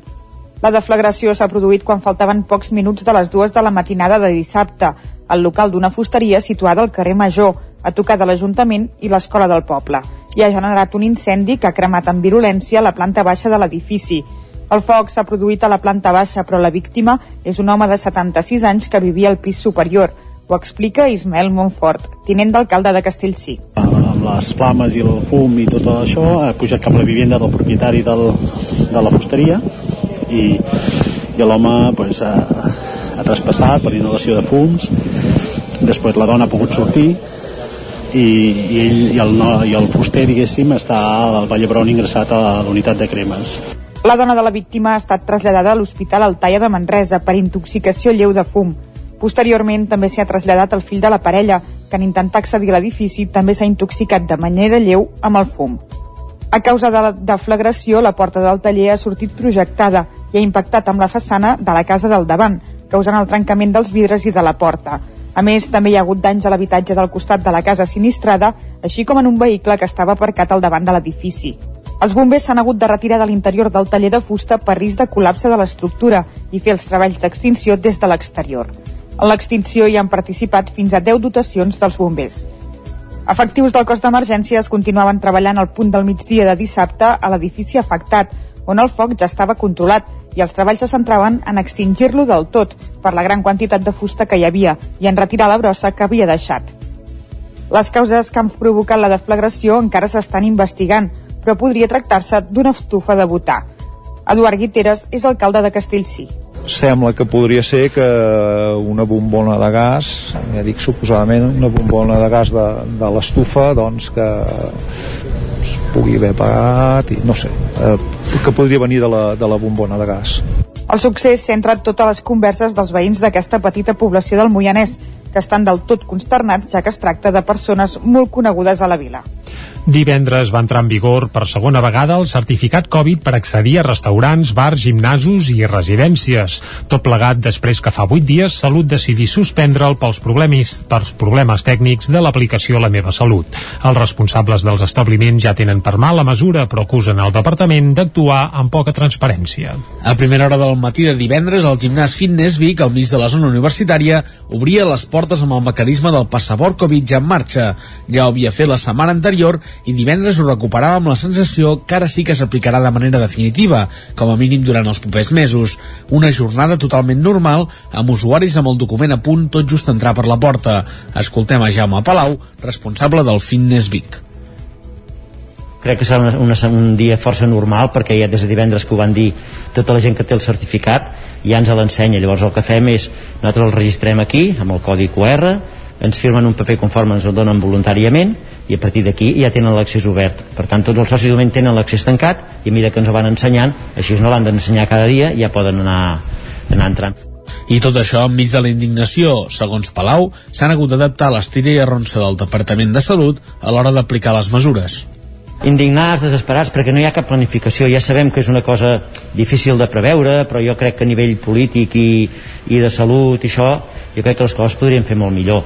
Hi ha una mica d'im- d'imprevisió i al final els afectats sempre som el sector de serveis, no? Nosaltres, la restauració, sortim d'una situació molt greu de crisi, molts establiments, nosaltres mateixos hem perdut molts diners, ens està costant molt recuperar-ho, i ara és una altra batzegada, perquè hi ha gent que no està vacunada i evidentment aquesta gent es dona de baixa. Amb aquesta mesura, la Generalitat vol evitar que les persones sense vacunar amb el virus puguin accedir als locals per intentar contenir els contagis. A part del passaport Covid, des de divendres també es tornen a aplicar controls d'accés pels acompanyants als centres del Consorci Hospitalari de Vic per tal de minimitzar el risc de contagi dels pacients i també dels professionals sanitaris. A les portes de l'Hospital Universitari de Vic, els edificis B i C de la Clínica de Vic, Osona Salut Mental i l'Hospital Sant Jaume de Manlleu es farà un primer filtre perquè les persones que hi accedeixin ho facin per necessitat. Les persones que tinguin programada una visita amb l'especialista a consultes externes, que s'hagin de realitzar una prova o que vagin a l'hospital de dia hauran d'anar sols excepte en situacions de dependència. En casos d'hospitalització, només podrà entrar al recinte un acompanyant, que tindrà una franja horària assignada de 9 a 10 del matí, de 12 a 2 del migdia, de 5 a 8 del vespre i en dies alterns per no coincidir amb els familiars del company d'habitació. Les obres de l'edifici de la nova Biblioteca Pilarín Vallès de Vic han d'acabar a mitjans d'aquest desembre, després de l'ampliació del termini que va demanar l'empresa contractista pel retard suposadament degut a la Covid-19. Després s'haurà d'adequar l'interior de l'equipament que podria posar-se en marxa l'estiu de l'any que ve. També s'ha modificat el contracte de les obres amb un increment de gairebé el 15% sobre el preu original. Les obres de l'edifici de la nova Biblioteca Pilarín Vallès de Vic, que s'ubicarà al solar on hi havia l'antiga caserna de la Guàrdia Civil, han d'acabar mitjans d'aquest desembre. L'últim ple municipal va aprovar l'extensió del termini perquè així ho havia demanat l'empresa contractista fins al dia 17 de setembre, de desembre, volíem dir. Entre els motius de la petició hi ha l'aturada de les obres en el, tram inicial de la pandèmia i els problemes en el subministrament de materials. L'equip de govern preveu que l'equipament pugui estar operatiu l'estiu que ve, un cop se n'hagi d'adequar l'interior. Ho explica Fabiana Palmero, regidora d'Urbanisme de l'Ajuntament de Vic. El problema no, és, no són les obres, sinó que el, el tema és tot l'altra part, no tot el mobiliari, el tema d'audiovisuals, etc. Dir, tindrem un edifici acabat al desembre, si tot va bé, i faltaran altres coses que ja estan en procés de contractació. Però esperem que sigui abans de començar l'estiu o començant l'estiu de, de l'any que ve. L'Ajuntament també ha aprovat la modificació del contracte de les obres de construcció de la biblioteca, amb un increment de gairebé un 15%. El preu original era de 7 milions d'euros i ara en valdrà 8. Fabiana Palmero. Que en aquest preu hi ha alguns errors de projecte que no estaven ben comptats, no de l'empresa constructora, i altres coses que han canviat com a propietaris, no? que en comptes, el que explicava l'altre dia en el ple, que en comptes de la sala infantil fer-la d'una manera, un cop això s'ha anat construint hem vist que era millor fer-la d'una altra manera, que pensem que serà molt millor per la ciutadania, per fer servir aquell espai, i per tant pensem que és una bona inversió fer aquest canvi.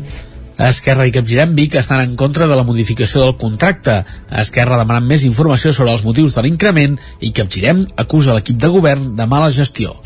L'aplicació Masies per viure pretén que establir-se a pagès no sigui un luxe només a l'abast dels més rics. Isaac Muntades, des de la veu de Sant Joan. Actualment a Catalunya el 10% de la població viu al 93% del territori. Hi ha un 11% d'habitatges buits i un 12% de segones residències. Aquestes dades van remoure la consciència de l'U Rectoret, un programador web que des de fa un any i mig està treballant en una aplicació per crear una cooperativa d'habitatge. Masies per viure és una plataforma que vol impulsar el retorn conscient i respectuós al món rural perquè el fet de viure a pagès i tenir terres no sigui un luxe per a poques persones. Rectoret comenta que el projecte va néixer en veure que hi havia moltes masies tancades o en estat ruïnós que s'estaven desaprofitant. Rectoret explica què s'hi podrà fer l'aplicació. És com una espècie de plataforma on enxerxem persones, espais i professionals, perquè aquestes persones puguin trobar-se, generar projectes col·lectius o projectes que necessitin persones, puguin també trobar, que puguin trobar uns espais, ja sigui en forma de terres, d'habitatge, una nau, en entorns rurals. Llavors hi haurà també uns professionals que, doncs, que acompanyaran aquests projectes, aquestes persones, perquè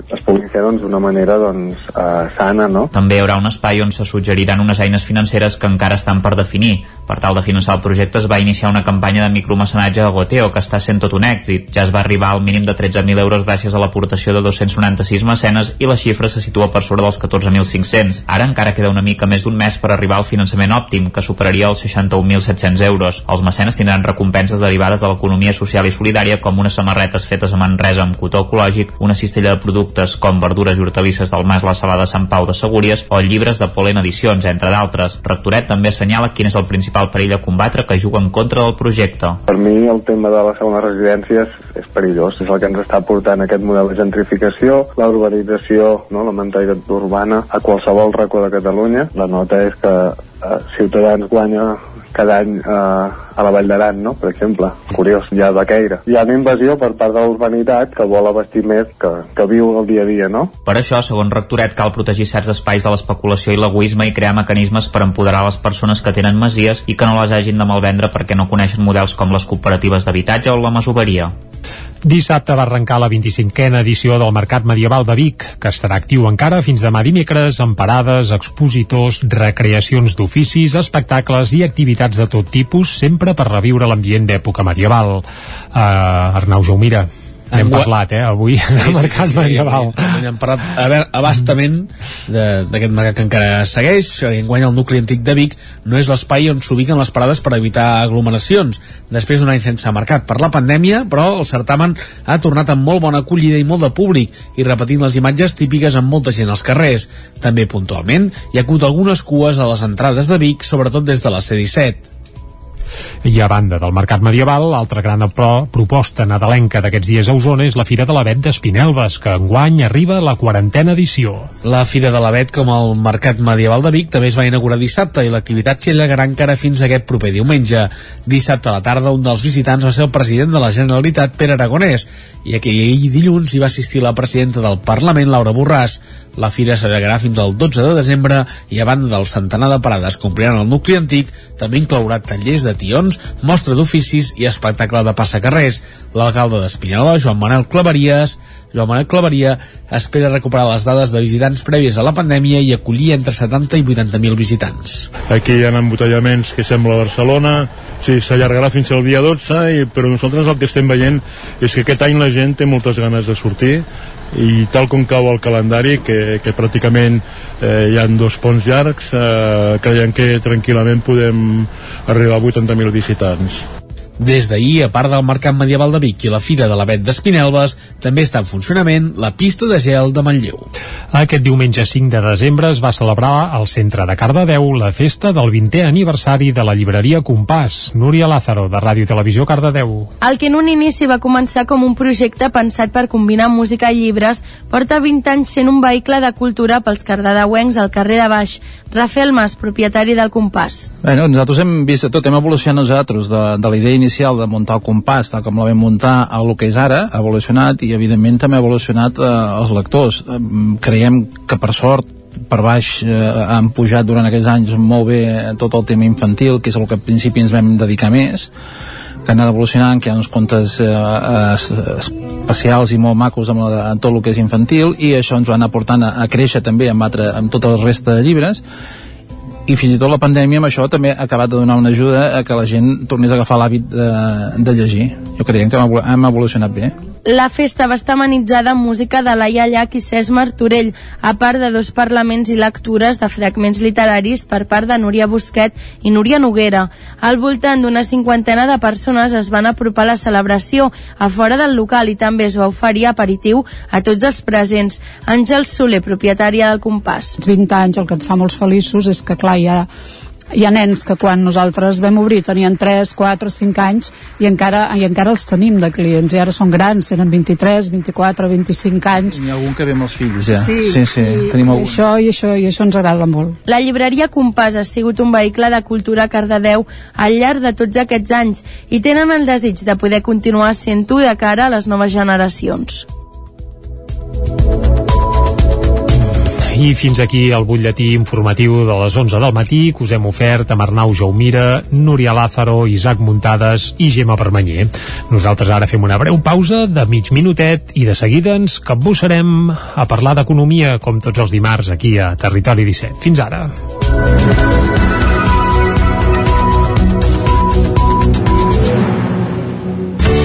Territori 17. Envia'ns les teves notes de veu per WhatsApp al 646 079 023. 646 079 023. WhatsApp Territori 17.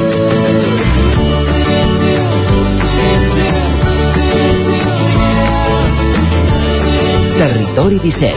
Som a Facebook, Twitter i Instagram amb l'usuari Territori 17.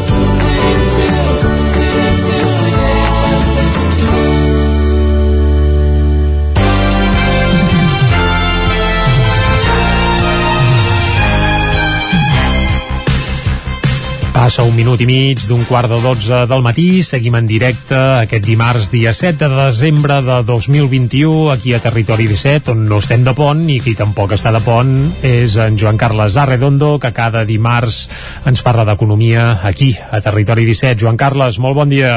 Bon dia. No Això estic de- pont perquè no em deixeu gaire. Oh, esclar. Anava a dir, això dels ponts i els aquaductes, no sé, per l'economia si eh, seria bo, dolent, però no ens ho hem d'agafar, però no ens parlaràs pas d'això avui, eh? No, avui no es parlaré d'això, però mm, hi ha, hi, ha, hi ha hagut estudis eh, d'altres anys en els quals hi ha hagut, eh, hi, ha, hi ha hagut aquests mm, ponts i aquaductes, eh, perquè, eh, diguem-ne, si, si no vaig errat l'any que ve la cosa encara anirà, encara serà més... Clar, corre un dia, per tant, l'any que ve serà festiu el dimarts, Dimarts i el dijous. dijous. Per tant, ja ens podem agafar tota la setmana, els amants dels ponts i aquaductes. Els amants dels ponts i els aquaductes, segurament, com, com molt bé deies, nosaltres no, eh? No, però, els periodistes no n'acostumem a fer gaires, això és cert. no, no, no ens ho permeten, no, no, la, la mateixa professió no ens ho permet gaire. Eh, però sí, ja, ja està estudiat que, que, que hi ha un efecte clar, tot això de parades i arrencades, diguem-ne que, eh, sobretot industrialment, és molt poc... Eh, és molt poc favorable, no? Diguem-ne, per, per ahir arrencar és una cosa que mm, sobretot en determinades indústries és poc, mm, poc adequat, no? Diguem-ne. Volia parlar-vos una mica de mm, l'evolució del PIB del tercer trimestre. Um, S'estan fent també moltes projeccions sobre com evolucionarà el PIB, perquè hi ha moltes incerteses i tot això, de manera que el que farem aquesta vegada és mm, ja basar-nos en dades ja existents, eh?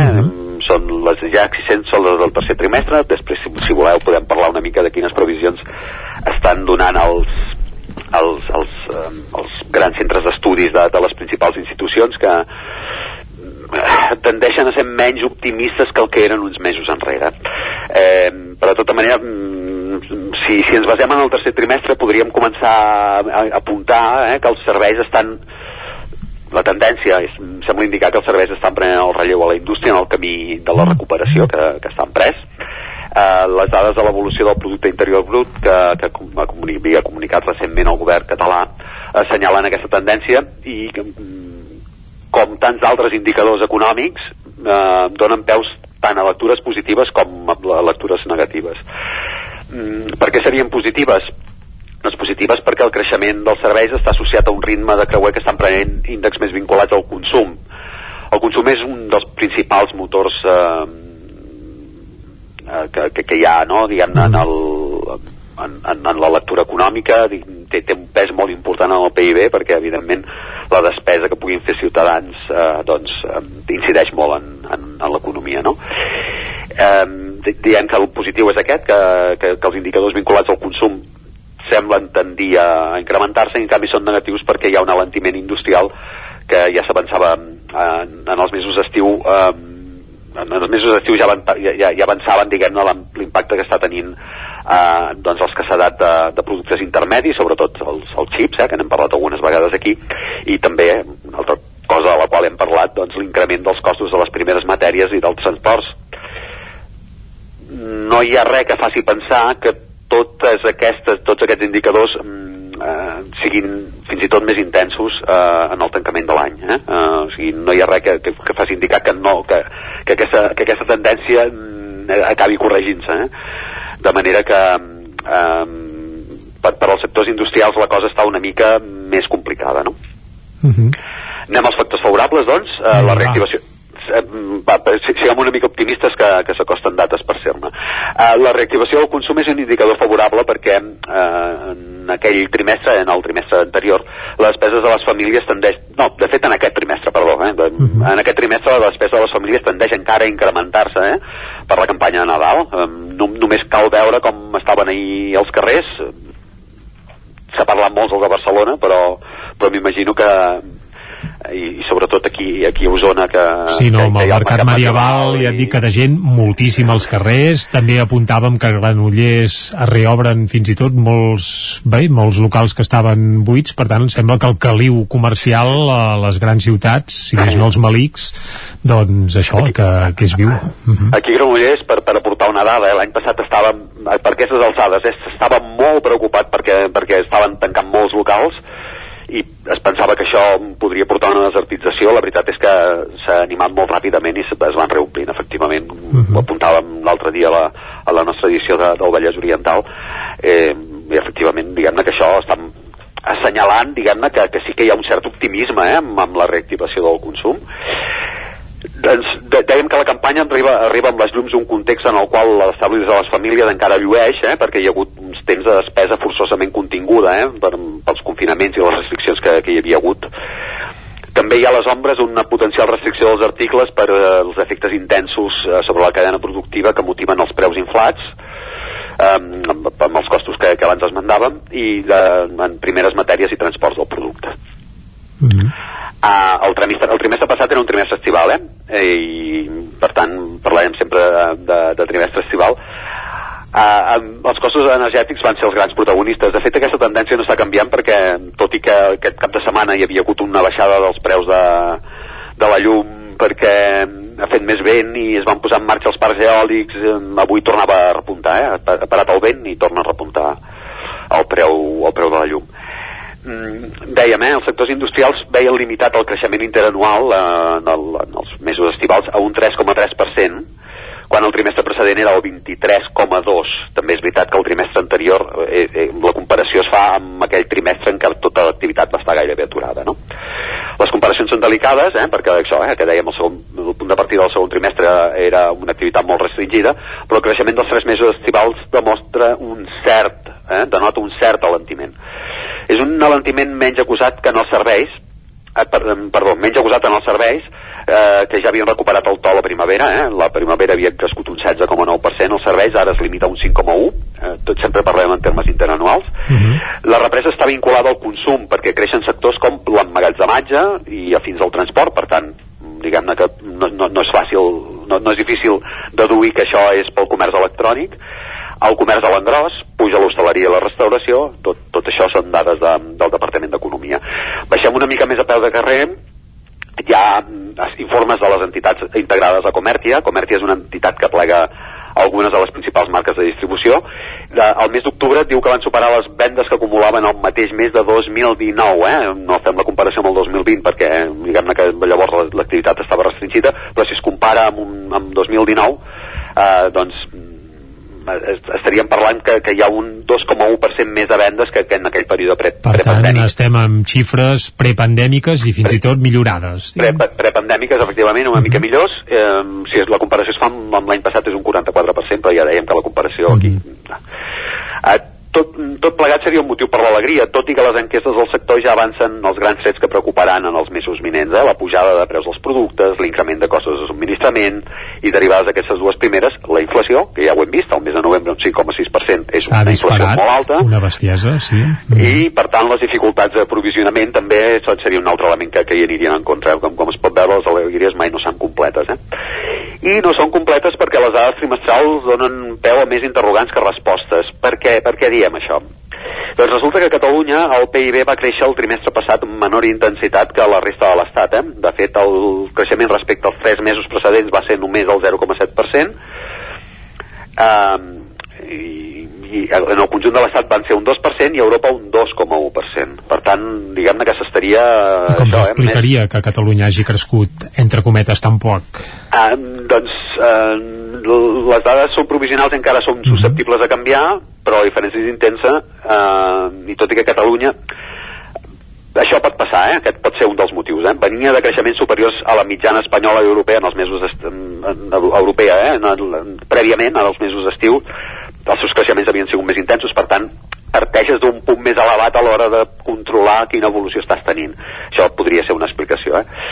Uh, les previsions sobre els creixements econòmics uh, espectaculars del tancament de l'any s'han de posar doncs, en quarantena. Eh? El consum remunta, però la recuperació va per barris i hi ha moltes incerteses esperant a la cantonada, com dèiem, eh, els grans organismes internacionals estan augurant per l'estat espanyol, aquí es miren les coses per estats, eh, creixements inferiors als que s'estaven projectant fa un any, de manera que eh, tots, és, tots aquests interrogants que han anat sorgint, diguem-ne que han jugat en contra de complir aquelles previsions de creixement. Mm. Les gràfiques sobre l'evolució del PIB són una muntanya russa i cal esperar que s'acabin estabilitzant amb potencial perquè es quedin en xifres positives, tot i que la recuperació fins a índexs previs a la pandèmia encara hauran d'esperar una mica. En aquest torn d'interrogants eh, hi ha alguns indicadors que, han de convidar l'optimisme, com ara les xifres d'ocupació que estan consolidant els registres superiors als que hi havia abans de la Covid-19. Eh, doncs, eh, diguem-ne, a veure si, si tot això es va confirmant. Doncs uh, ho anirem seguint aquí a Territori 17. Joan Carles, moltes gràcies per acompanyar-nos avui. T'esperem dimarts que ve. Molt bé, doncs parlem dimarts que ve. Doncs va, amb aquestes previsions i aquests interrogants, que en el món de l'economia no s'acaben mai de resoldre, perquè sempre n'hi ha de nous, doncs el que farem ara aquí a Territori 17 és fer una breu pausa i l'interrogant el resolem, eh? Tornem en 3 minuts. Va, fins ara. El nou FM, la ràdio de casa, al 92.8. El racó de León. Gaudeix de la nostra terrassa. Vine a tastar les xuletilles de lechal a la brasa amb una bona amanida o el xuletón de vedella gallega. No et pots perdre el nostre lechado de Castilla al forn o el cochinillo a l'estil de Segovia. Tot acompanyat del millor celler, al menjador o fora la terrassa. Descobreix la millor cuina de Lleó sense moure't de casa. Vine amb la família, els amics, la parella o sol. T'encantarà. El racó de León, cuina tradicional lleonesa i de mercat. Som al carrer Torelló número 35 de Vic. Per reserves, telèfon 93 889 1950. El racó de León, una cuina diferent. Som especialistes en cargols a la llauna. Vine a tastar-los al racó de León. Per a qui seria perfecte aquest piano de jugueto? Per a nens que donin la nota. I aquest maletí de pintura? Pels que volen pintar alguna cosa a la vida. Jugar és viure. I viure és jugar. Vine a la teva botiga Juguetos i emporta't el catàleg de Nadal. Juguetos. Queda molt per jugar. Juguetos. El nou FM, la ràdio de casa, al 92.8. A Corretja tenim tot el que necessites per la teva llar. Tot tipus de paviments i revestiments, sistemes d'aïllament, cobertes, parquets, aixetes, ferreteria, pintures, fixació i cargoleria, vestuari i material de seguretat. Disposem de més de 3.500 metres quadrats d'exposició amb una nova zona exterior d'aïllaments. A Corretja som especialistes en cuines i banys. Us assessorem, dissenyem i realitzem el projecte des de l'inici fins a la fi del muntatge. 100% cuines, 100% banys. Al carrer Mas Vigues 8 de Vic, a corretja-sl.com o a Instagram. 100% materials per la construcció i la decoració. 100% corretja. Saps què és el confort intel·ligent? És tenir un terra radiant Giacomini a casa. Benestar que no es veu, però es nota tot l'any. I que pots controlar a distància des del teu mòbil, estalviant energia i diners. Suma't al confort intel·ligent amb Giacomini. Informa't a giacomini.es o truca al 93 884 1001 i t'ajudarem a tenir un terra radiant a casa o a l'oficina. Giacomini, la climatització que et mereixes. Cefusol, centre de formació de soldadura GURB. Som especialistes en processos de soldadura. Disposem d'instal·lacions totalment equipades per a classes de teòrica i pràctica amb cabines individuals i equipaments de seguretat. Assessorem empreses i oferim cursos subvencionats i bonificats. Vine i t'informarem. Cefusol, som al carrer Sant Roc número 21 de GURB. Telèfon 664 206 192. També ens trobaràs a cefusol.com i a YouTube. El nou FM, el nou FM, el nou FM, el nou FM, el nou FM. Territori 17. El nou FM, la veu de Sant Joan, Ona Codinenca, Ràdio Cardedeu, Territori 17. Dos quarts de dotze del matí, seguim en directe aquí a Territori 17 aquest dimarts, dia 7 de desembre de 2021. Dia a Territori 17, evidentment, sense pont. Us farem companyia encara fins a les 12 i el que toca ara, com fem sempre en aquest punt aquí a Territori 17, és anar a fer un vol a la R3, a la Trenc d'Alba. Anem-hi. A Tren d'Alba. Cada dia els usuaris de la línia R3 de Rodalies que veuen sortir el sol des d'un vagó ens expliquen les gràcies i les penes del primer comboi que uneix Ripoll i Barcelona.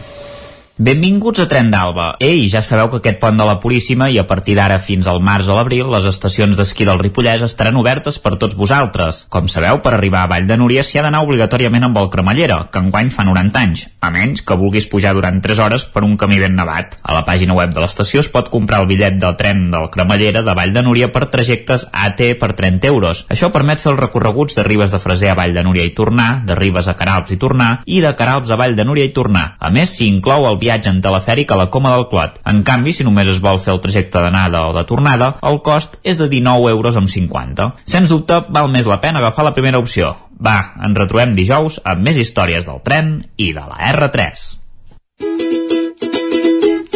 El racó de pensar, a Territori 17.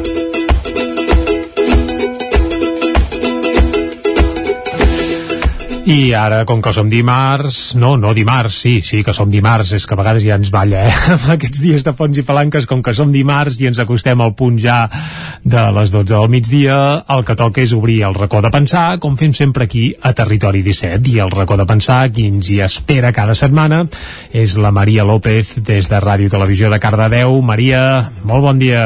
Bon dia i benvinguts a un nou racó de pensar. Està clar que un dels temes clau d'aquests dos últims anys, i especialment després de la pandèmia, és la salut emocional. Un tema que ha costat molt portar fins al centre i que se li donés la importància que realment requereix. Però la pandèmia ha fet saltar moltes alarmes i d'alguna manera ha servit perquè la salut emocional prengués protagonisme. De fet, fa uns dies parlàvem amb la Mireia Cabero sobre la xifra de suïcidis entre els i les joves. Ha crescut de manera desmesurada. Però el dubte és, com prevenim això? Com treballem la cultura emocional per evitar aquest malestar? I també des d'on la treballem? És una cosa que s'ha de quedar a casa o l'escola té també feina a fer en aquest terreny? Per parlar de tot això, avui ens acompanya la Mar Catalán. Ella és directora d'Escoles pel Benestar a Cultura Emocional Pública i ja és la segona vegada que està aquí nosaltres al racó de pensar. Bon dia, Mar. Bon dia, Maria. Tenim en mans un greu repte social que ha vingut per quedar-se, oi? Perquè la salut emocional dels nostres infants i joves quasi que podríem dir que per fi s'està tenint en compte. Sí, Maria, per fi, però és arrel d'unes dades realment alarmants.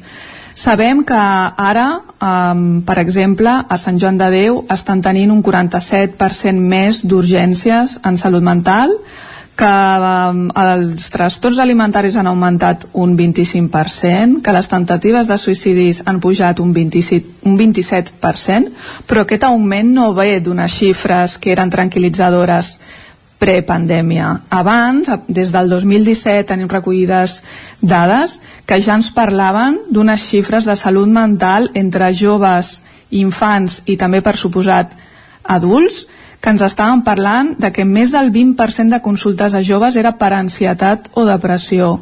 O que per exemple en els CESMIS, que són els centres, els centres de salut mental infantil i juvenil els que les escoles adrecen el 2017 eren de 66.500 infants i joves.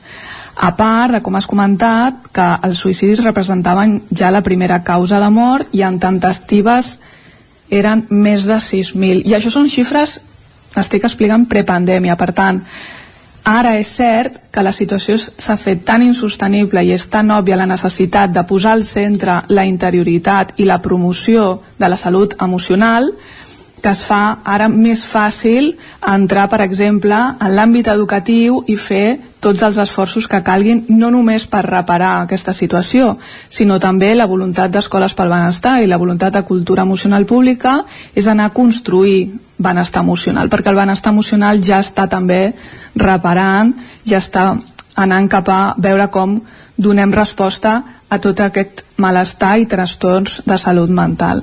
Així que, malauradament, però sí, per fi, com tu dius, està posant al centre la necessitat de posar molta atenció a la interioritat, a la salut mental i la salut emocional, Maria. Estaves parlant de xifres realment eh, alarmants i deies que eren prepandèmia. I a més a més, tenint en compte que aquesta pandèmia, d'alguna manera, o sigui, la pandèmia ha fet créixer aquesta xifra o el que ha fet és treure la manta, per dir-ho d'alguna manera, i mostrar tot aquest estat, aquesta situació, perquè al final amb la pandèmia la gent amb el confinament jo crec que ha tingut eh, temps d'alguna manera o, o s'ha posat més en valor aquest, aquest malestar emocional que estàvem visquent tots però a més a més també han crescut les xifres, no? Sí, han crescut les xifres i s'ha fet d'obvi quan eh, l'Organització Mundial de la Salut ens deia, també prepandèmia, que el 25% de la població pateix o patirà algun trastorn mental. Ens està dient que estem visquent en una societat on el risc és alt de tenir aquestes xifres alarmants de salut mental. Però sí que és cert que ha, eh, la pandèmia ha greujat tot el malestar i trastorns emocionals perquè s'han donat restriccions en l'àmbit social i s'han donat restriccions a l'hora de poder acompanyar bé a una població que és força vulnerable, com són els infants però sobretot els adolescents. Què ens ha passat amb els adolescents i joves? Que des de l'adultesa hem pensat que es podien acompanyar i podien anar més sols i hem pensat que totes aquestes restriccions de caire social i restriccions de, doncs, doncs de distracció, que són mètodes també per alleugerir, per gestionar tota la part emocional, no s'han pogut donar. I com l'adult ha pensat, en molts casos, que els, els joves i els adolescents ja eren prou autònoms, aquest acompanyament ha estat menor. Per tant, ha recaigut aquest malestar i aquest trastorn en una població que ja és vulnerable perquè està en construcció, però és que no va sola. No? Els, els adolescents no poden anar sols encara, ni tan sols els joves, necessiten d'un acompanyament.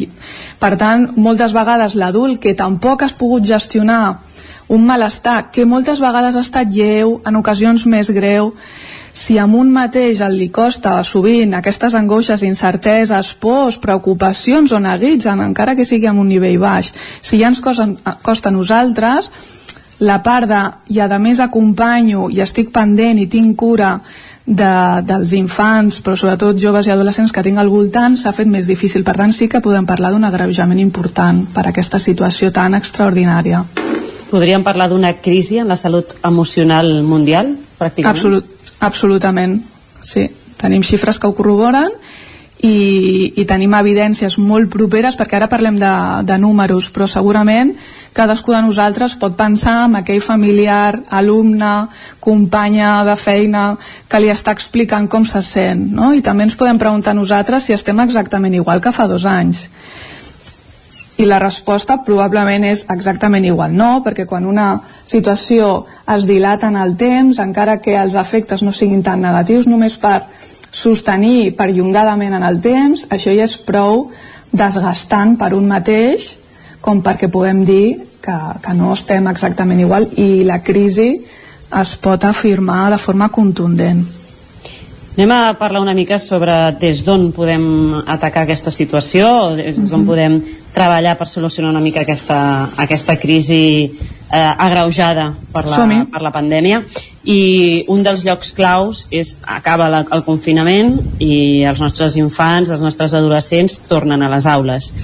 Qui es troba en primera línia de batalla i durant moltes hores al dia aquests infants eh, amb, amb aquest punt agreujat de, de situació emocional són els i les mestres del nostre país, les escoles i aquí d'alguna manera suposo que es troba en una situació de fins a quin punt això és cosa de les escoles o fins a quin punt aquesta gestió emocional hauria de quedar més a casa què es troben els, els mestres post-pandèmia, per dir-ho d'alguna manera? Mm.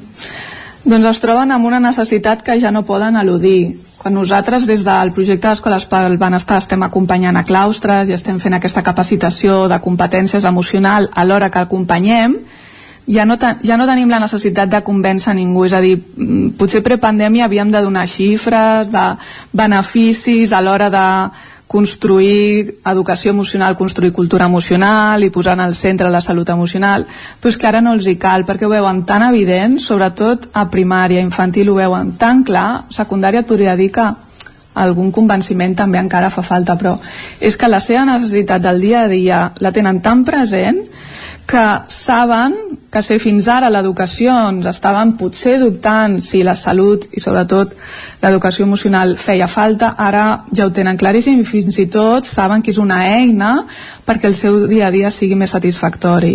Ja no només en el rendiment escolar, sinó en el seu tracte diari, en poder veure que aquell nen i nena que continuen amb la mascareta i això no és... Eh, com diríem, eh, no és que no tingui cap repercussió, sinó tot el contrari, els està ajudant a fer unes aules més tranquil·les, amb més calma, amb més gestió emocional i amb més rendiment i sobretot amb més atenció, perquè si l'emoció no està sostinguda, l'aprenentatge no és possible. El cervell, el cervell humà funciona així. Primer és la part aquesta primària i si li donem resposta podem anar construint cognició, si no, al revés és complicat. Llavors, per fi s'està adonant que s'està posant al centre, i és una de les eines, s'està posant al centre la interioritat de les persones, que és una cosa invisible, intangible, que per això no li feien tant de cas, perquè no, no es pot traduir després amb una nota, no es pot traduir després amb...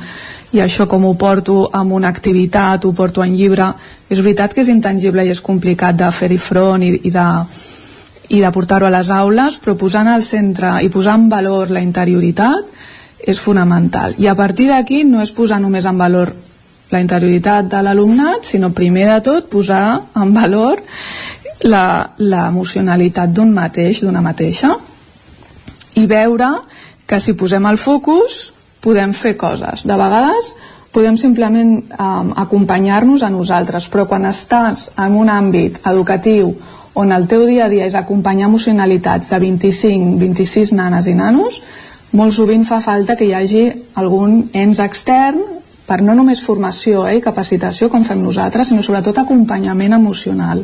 Per tant, partir de la base que el món educatiu està necessitant reparació de tot allò que ja ha viscut i, i, i ha vingut acumulant i desgastant. Ara parlarem de la manca de formació sobre això, prèvia, i alhora que repares estàs construint capacitació i gestió emocional. I aquesta construcció no és aprenentatge eh, cognitiu, és un entrenament, igual que entrenem tota la part física, és un entrenament emocional i hi ha un aprenentatge darrere posant sempre cap a dins la mirada i veient com conscientment sé què sento o sé que no sento, sé que encara em costa reconèixer què sento o què faig amb allò que sento o com accepto tot allò que s'està removent per dins per tant, afegir aquesta part d'acompanyament a claustres alhora que capacitem i formem està esdevenint fonamental a, a tot l'àmbit educatiu.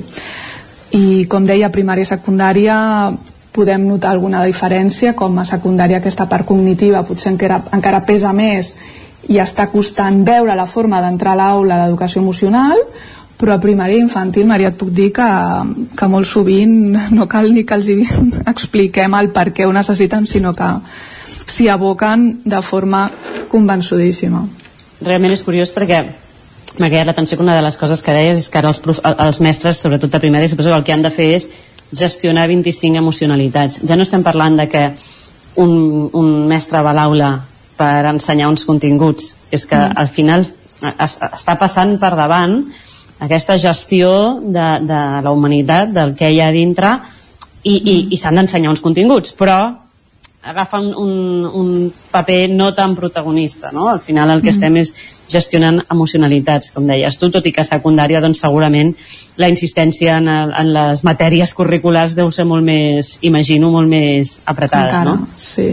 Per exemple, t'explico una anècdota d'ahir mateix a la tarda, estàvem en una, una formació d'un claustre de Barcelona que és una escola de primària i infantil, i feia la pregunta sobre considereu que la vostra gestió emocional de, de l'alumnat està sent, jo preguntava, diària, setmanal o molt ocasional? I tot el claustre, tot l'equip de, de mestres va anar cap al cada dia. Només la directora es va posicionar en uh, de vegades. I els seus propis companys i companyes li van dir, home, no diré per no, però si cada vegada que t'enviem nanos els ja estàs atenent, ja estàs resolent i tant que ho fas cada dia.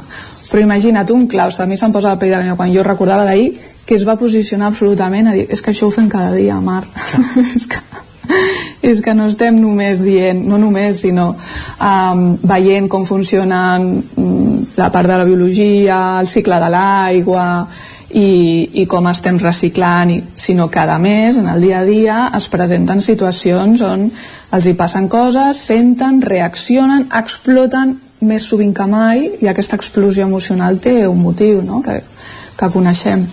I... Hi ha una presa de consciència per part dels docents molt, molt important, eh, aquí. Jo ara ho estàs sí. explicant i, i, i intento recordar la meva època d'institut i, hosti, no vull semblar aquí la iaia ara batalletes, eh? però sí que és veritat que era excepcional quan de tant en tant et tocava algun professor o professora amb qui, sobretot en l'adolescència, no? que on està més remogut per norma, amb qui et senties prou còmode com per, en un moment donat, si t'estava passant alguna cosa que no estaves bé, anar i exposar-li. I, però és que ja no només perquè tu et sentissis còmode, sinó perquè des de l'altra banda, el professorat no tenia aquesta sensació de que hagués d'atendre les necessitats emocionals dels seus alumnes, no? o que hagués d'estar allà d'aquesta manera, sinó que ell, el professor venia a fer-te mates o química o el que toqués. Però aquesta consciència de que l'adult que està tantes hores allà amb els joves, amb els adolescents, amb els nens, té un paper important en aquest sentit, crec que és, és molt destacable que, que el, els docents d'avui dia tinguin tan clar aquest paper. Sí, segurament variarà el grau de claredat segons l'escola sí, i segons l'adult, però la d'ahir de Barcelona era absolutament claríssim. I què passa? Doncs que encara en els graus universitaris no està contemplada aquesta formació, perquè no és una formació cognitiva, perquè és experiencial. I, i tampoc venim d'una situació d'escola nosaltres com a alumnes on se'ns va acompanyar tampoc en aquest aspecte emocional. Però és que l'experiència dels docents, de les mestres i mestres d'avui en dia eh, li ha portat a declarar absolutament que necessiten recursos. I és tan fantàstic que puguin dir i que puguin demanar necessitem recursos i que a poc a poc, encara que sigui de forma externa, però que la política pública vagi a mm, donar recursos per com acompanyem el nostre claustre, el nostre equip educador, que malauradament, encara que sigui per unes xifres que són força alarmants i frapants, anem, a, anem cap aquí. I ens ho deia la UNESCO el 1996, que deia dos dels pilars de l'educació era aprendre a ser i aprendre a conviure dos, dos dels quatre pilars de l'educació i això ens ho deia mm, fa massa anys.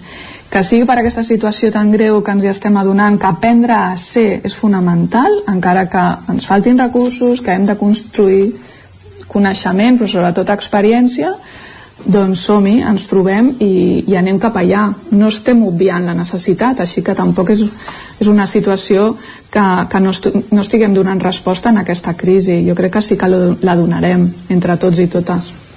Fa un momentet deies que precisament aquest és un tema que no, no s'ensenya als graus perquè no correspon a una cosa cognitiva, però vosaltres des de Cultura Emocional d'alguna manera sí que intenteu fer aquest acompanyament no? als centres. Com s'ensenya algú? Perquè sembla que és una cosa que va més amb el caràcter no? eh, o amb l'experiència. Com li pots ensenyar a algú a tenir aquesta sensibilitat, per dir-ho d'alguna manera, no? o, o saber atendre emocionalment als seus alumnes? Doncs la bona notícia que és com tot s'aprèn i s'aprèn entrenant i s'aprèn practicant no? i s'aprèn doncs, posar-hi moments i espais per fer-ho i el que entrenem o desenvolupem són cinc competències emocionals que no és que existeixin a fora sinó que les tenim. Una és la consciència, donar-nos a què sentim i posar-li paraules a què sentim. Per tant anem fent pràctiques de parem, notem el cos, que és on estan les emocions i clar, l'educació sempre ha anat cap a la part del cap i el cervell i no anem al cos, és a dir, allò que està sobretot en el tòrax, en el pit, que estem sentint, anem a veure si desxifrem sensacions i oferim molts moments, activitats, dinàmiques diverses per anar a posar consciència. Aquí ja has dit una cosa, una cosa clau d'entrada, que és aquest posar-li nom, que això ho hem parlat diverses vegades al racó de pensar, però crec que és molt clau, que, que les generacions anteriors eh, no, no hem treballat a detectar, a posar-hi nom als diferents tipus d'emoció i que això moltes vegades ens ha dificultat o bloquejat a l'hora de gestionar-les, el, el fet de no poder reconèixer-les del tot, no? Eh, suposo que és de les primeres coses que és important a les persones que ara són mestres que segurament s'han educat amb una doncs això, no? Jo em poso més o menys amb edat de mestre i penso, és que no ens han educat així, ens han educat que les, les emocions era un símbol de, de debilitat, moltes vegades, o expressar-les era un símbol de debilitat, i no sabem posar-li nom. I si no sabem posar-li nom, és molt difícil gestionar-les, no? Suposo que deu ser de les primeres coses que et deus trobar. Sí, és la, la base i com, com parlava de consciència és la primera de les cinc competències a construir i una de les micro és a dir, petites com, competències de la consciència és posar-li nom, però clar, no li podem posar nom amb un llistat de forma que estiguem parlant de vocabulari, que també, és a dir, si jo et poso una llista, i, i també s'ha de fer, eh?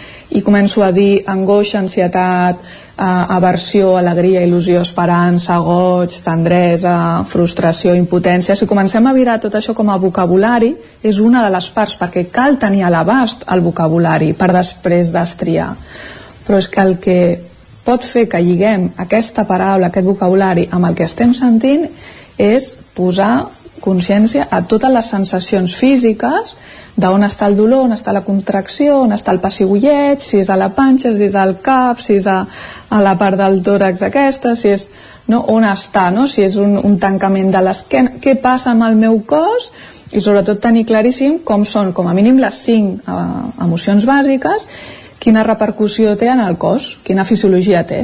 Llavors ja a partir de les 5, si les podem reconèixer clarament, podem construir el reste de famílies emocionals, no?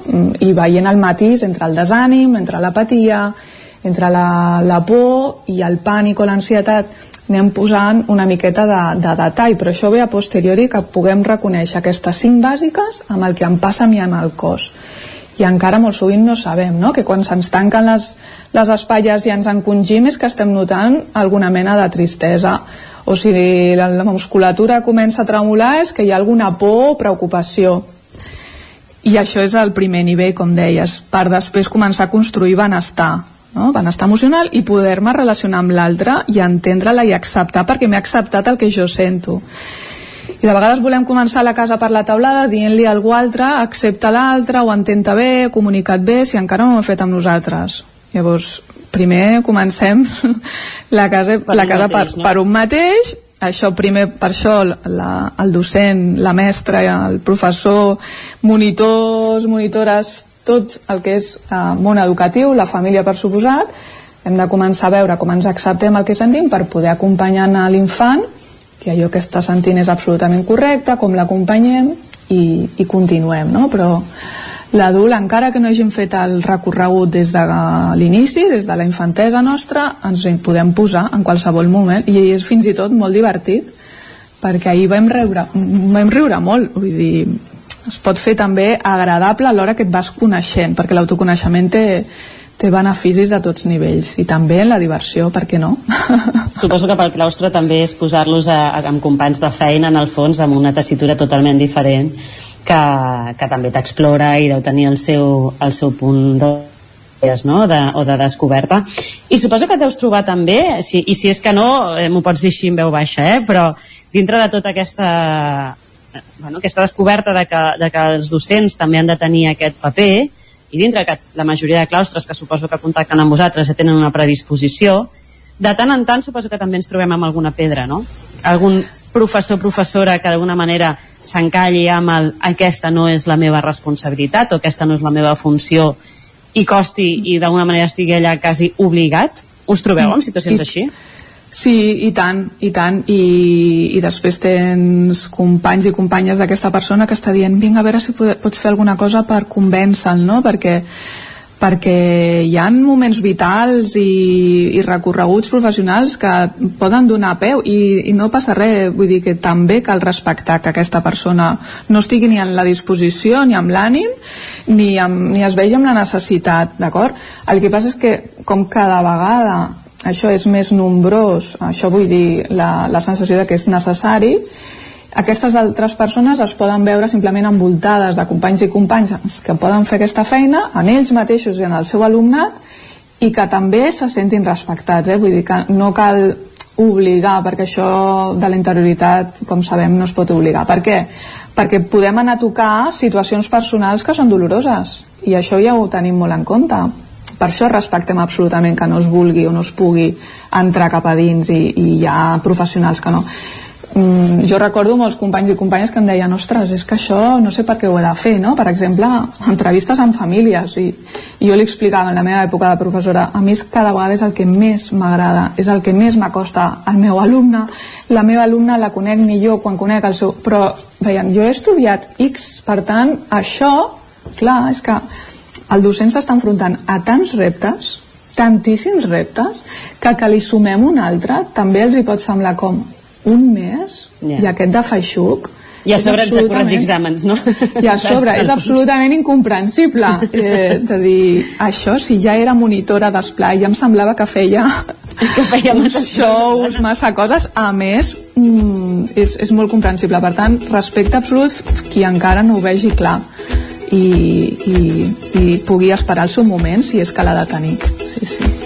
Mar, doncs arribem aquí al final del racó de pensar. Moltíssimes gràcies per estar amb nosaltres un, un dimarts més, per compartir, per explicar-nos i per introduir-nos una miqueta més en tot aquest món de, de la cultura emocional que, com dèiem, per sort i malauradament, però per sort ja està, ja està sobre la taula i, i toca començar a fer feina. Moltes gràcies, Mar. a tu Maria, ens veiem aviat I jo torno de seguida ja al relleu cap a Vic. Uh, gràcies, companys, per escoltar-nos i ens veiem dijous amb una nova secció de la plaça.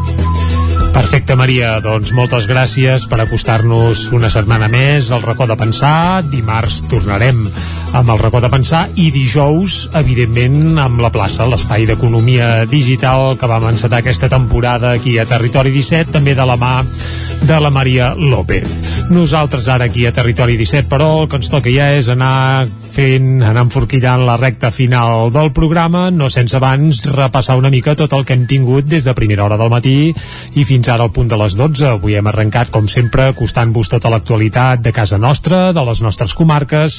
Hem parlat i hem centrat la mirada sobretot amb el Mercat Medieval de Vic, la 25a edició del Mercat. N'hem parlat amb el gerent de Fires i Mercats, Bernat Vilaresau, que ens ha recordat, evidentment, que el Mercat continua obert durant tot avui i també demà dimecres. Per tant, si voleu atensar-vos-hi, sapigueu que sobretot avui farà bonança, és un bon dia, demà sembla que torna el fred, però vaja, sempre és una bona ocasió per anar a fer un vol pel mercat medieval de Vic. Avui també hem repassat com els ha anat el cap de setmana esportivament parlant els equips del territori 17. També hem tingut temps de parlar d'economia amb en Joan Carles Arredondo, com fem tots els dimarts. Hem anat a la taula de redacció, ens ha visitat en Guillem Sánchez i, com sempre, els dimarts hem conversat amb el Joan Carles Arredondo parlant d'economia i hem acabat amb el racó de pensar amb la Maria López.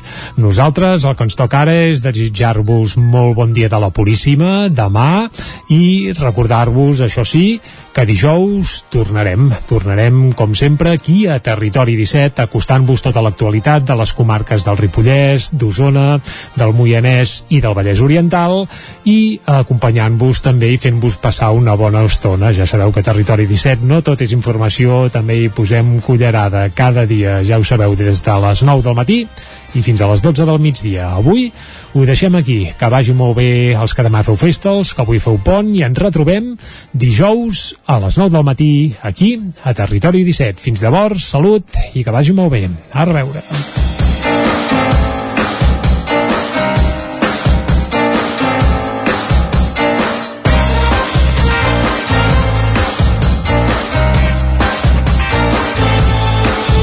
Territori 17, un magazín del nou FM. La veu de Sant Joan, Ona Codinenca i Ràdio Cardedeu amb el suport de la xarxa.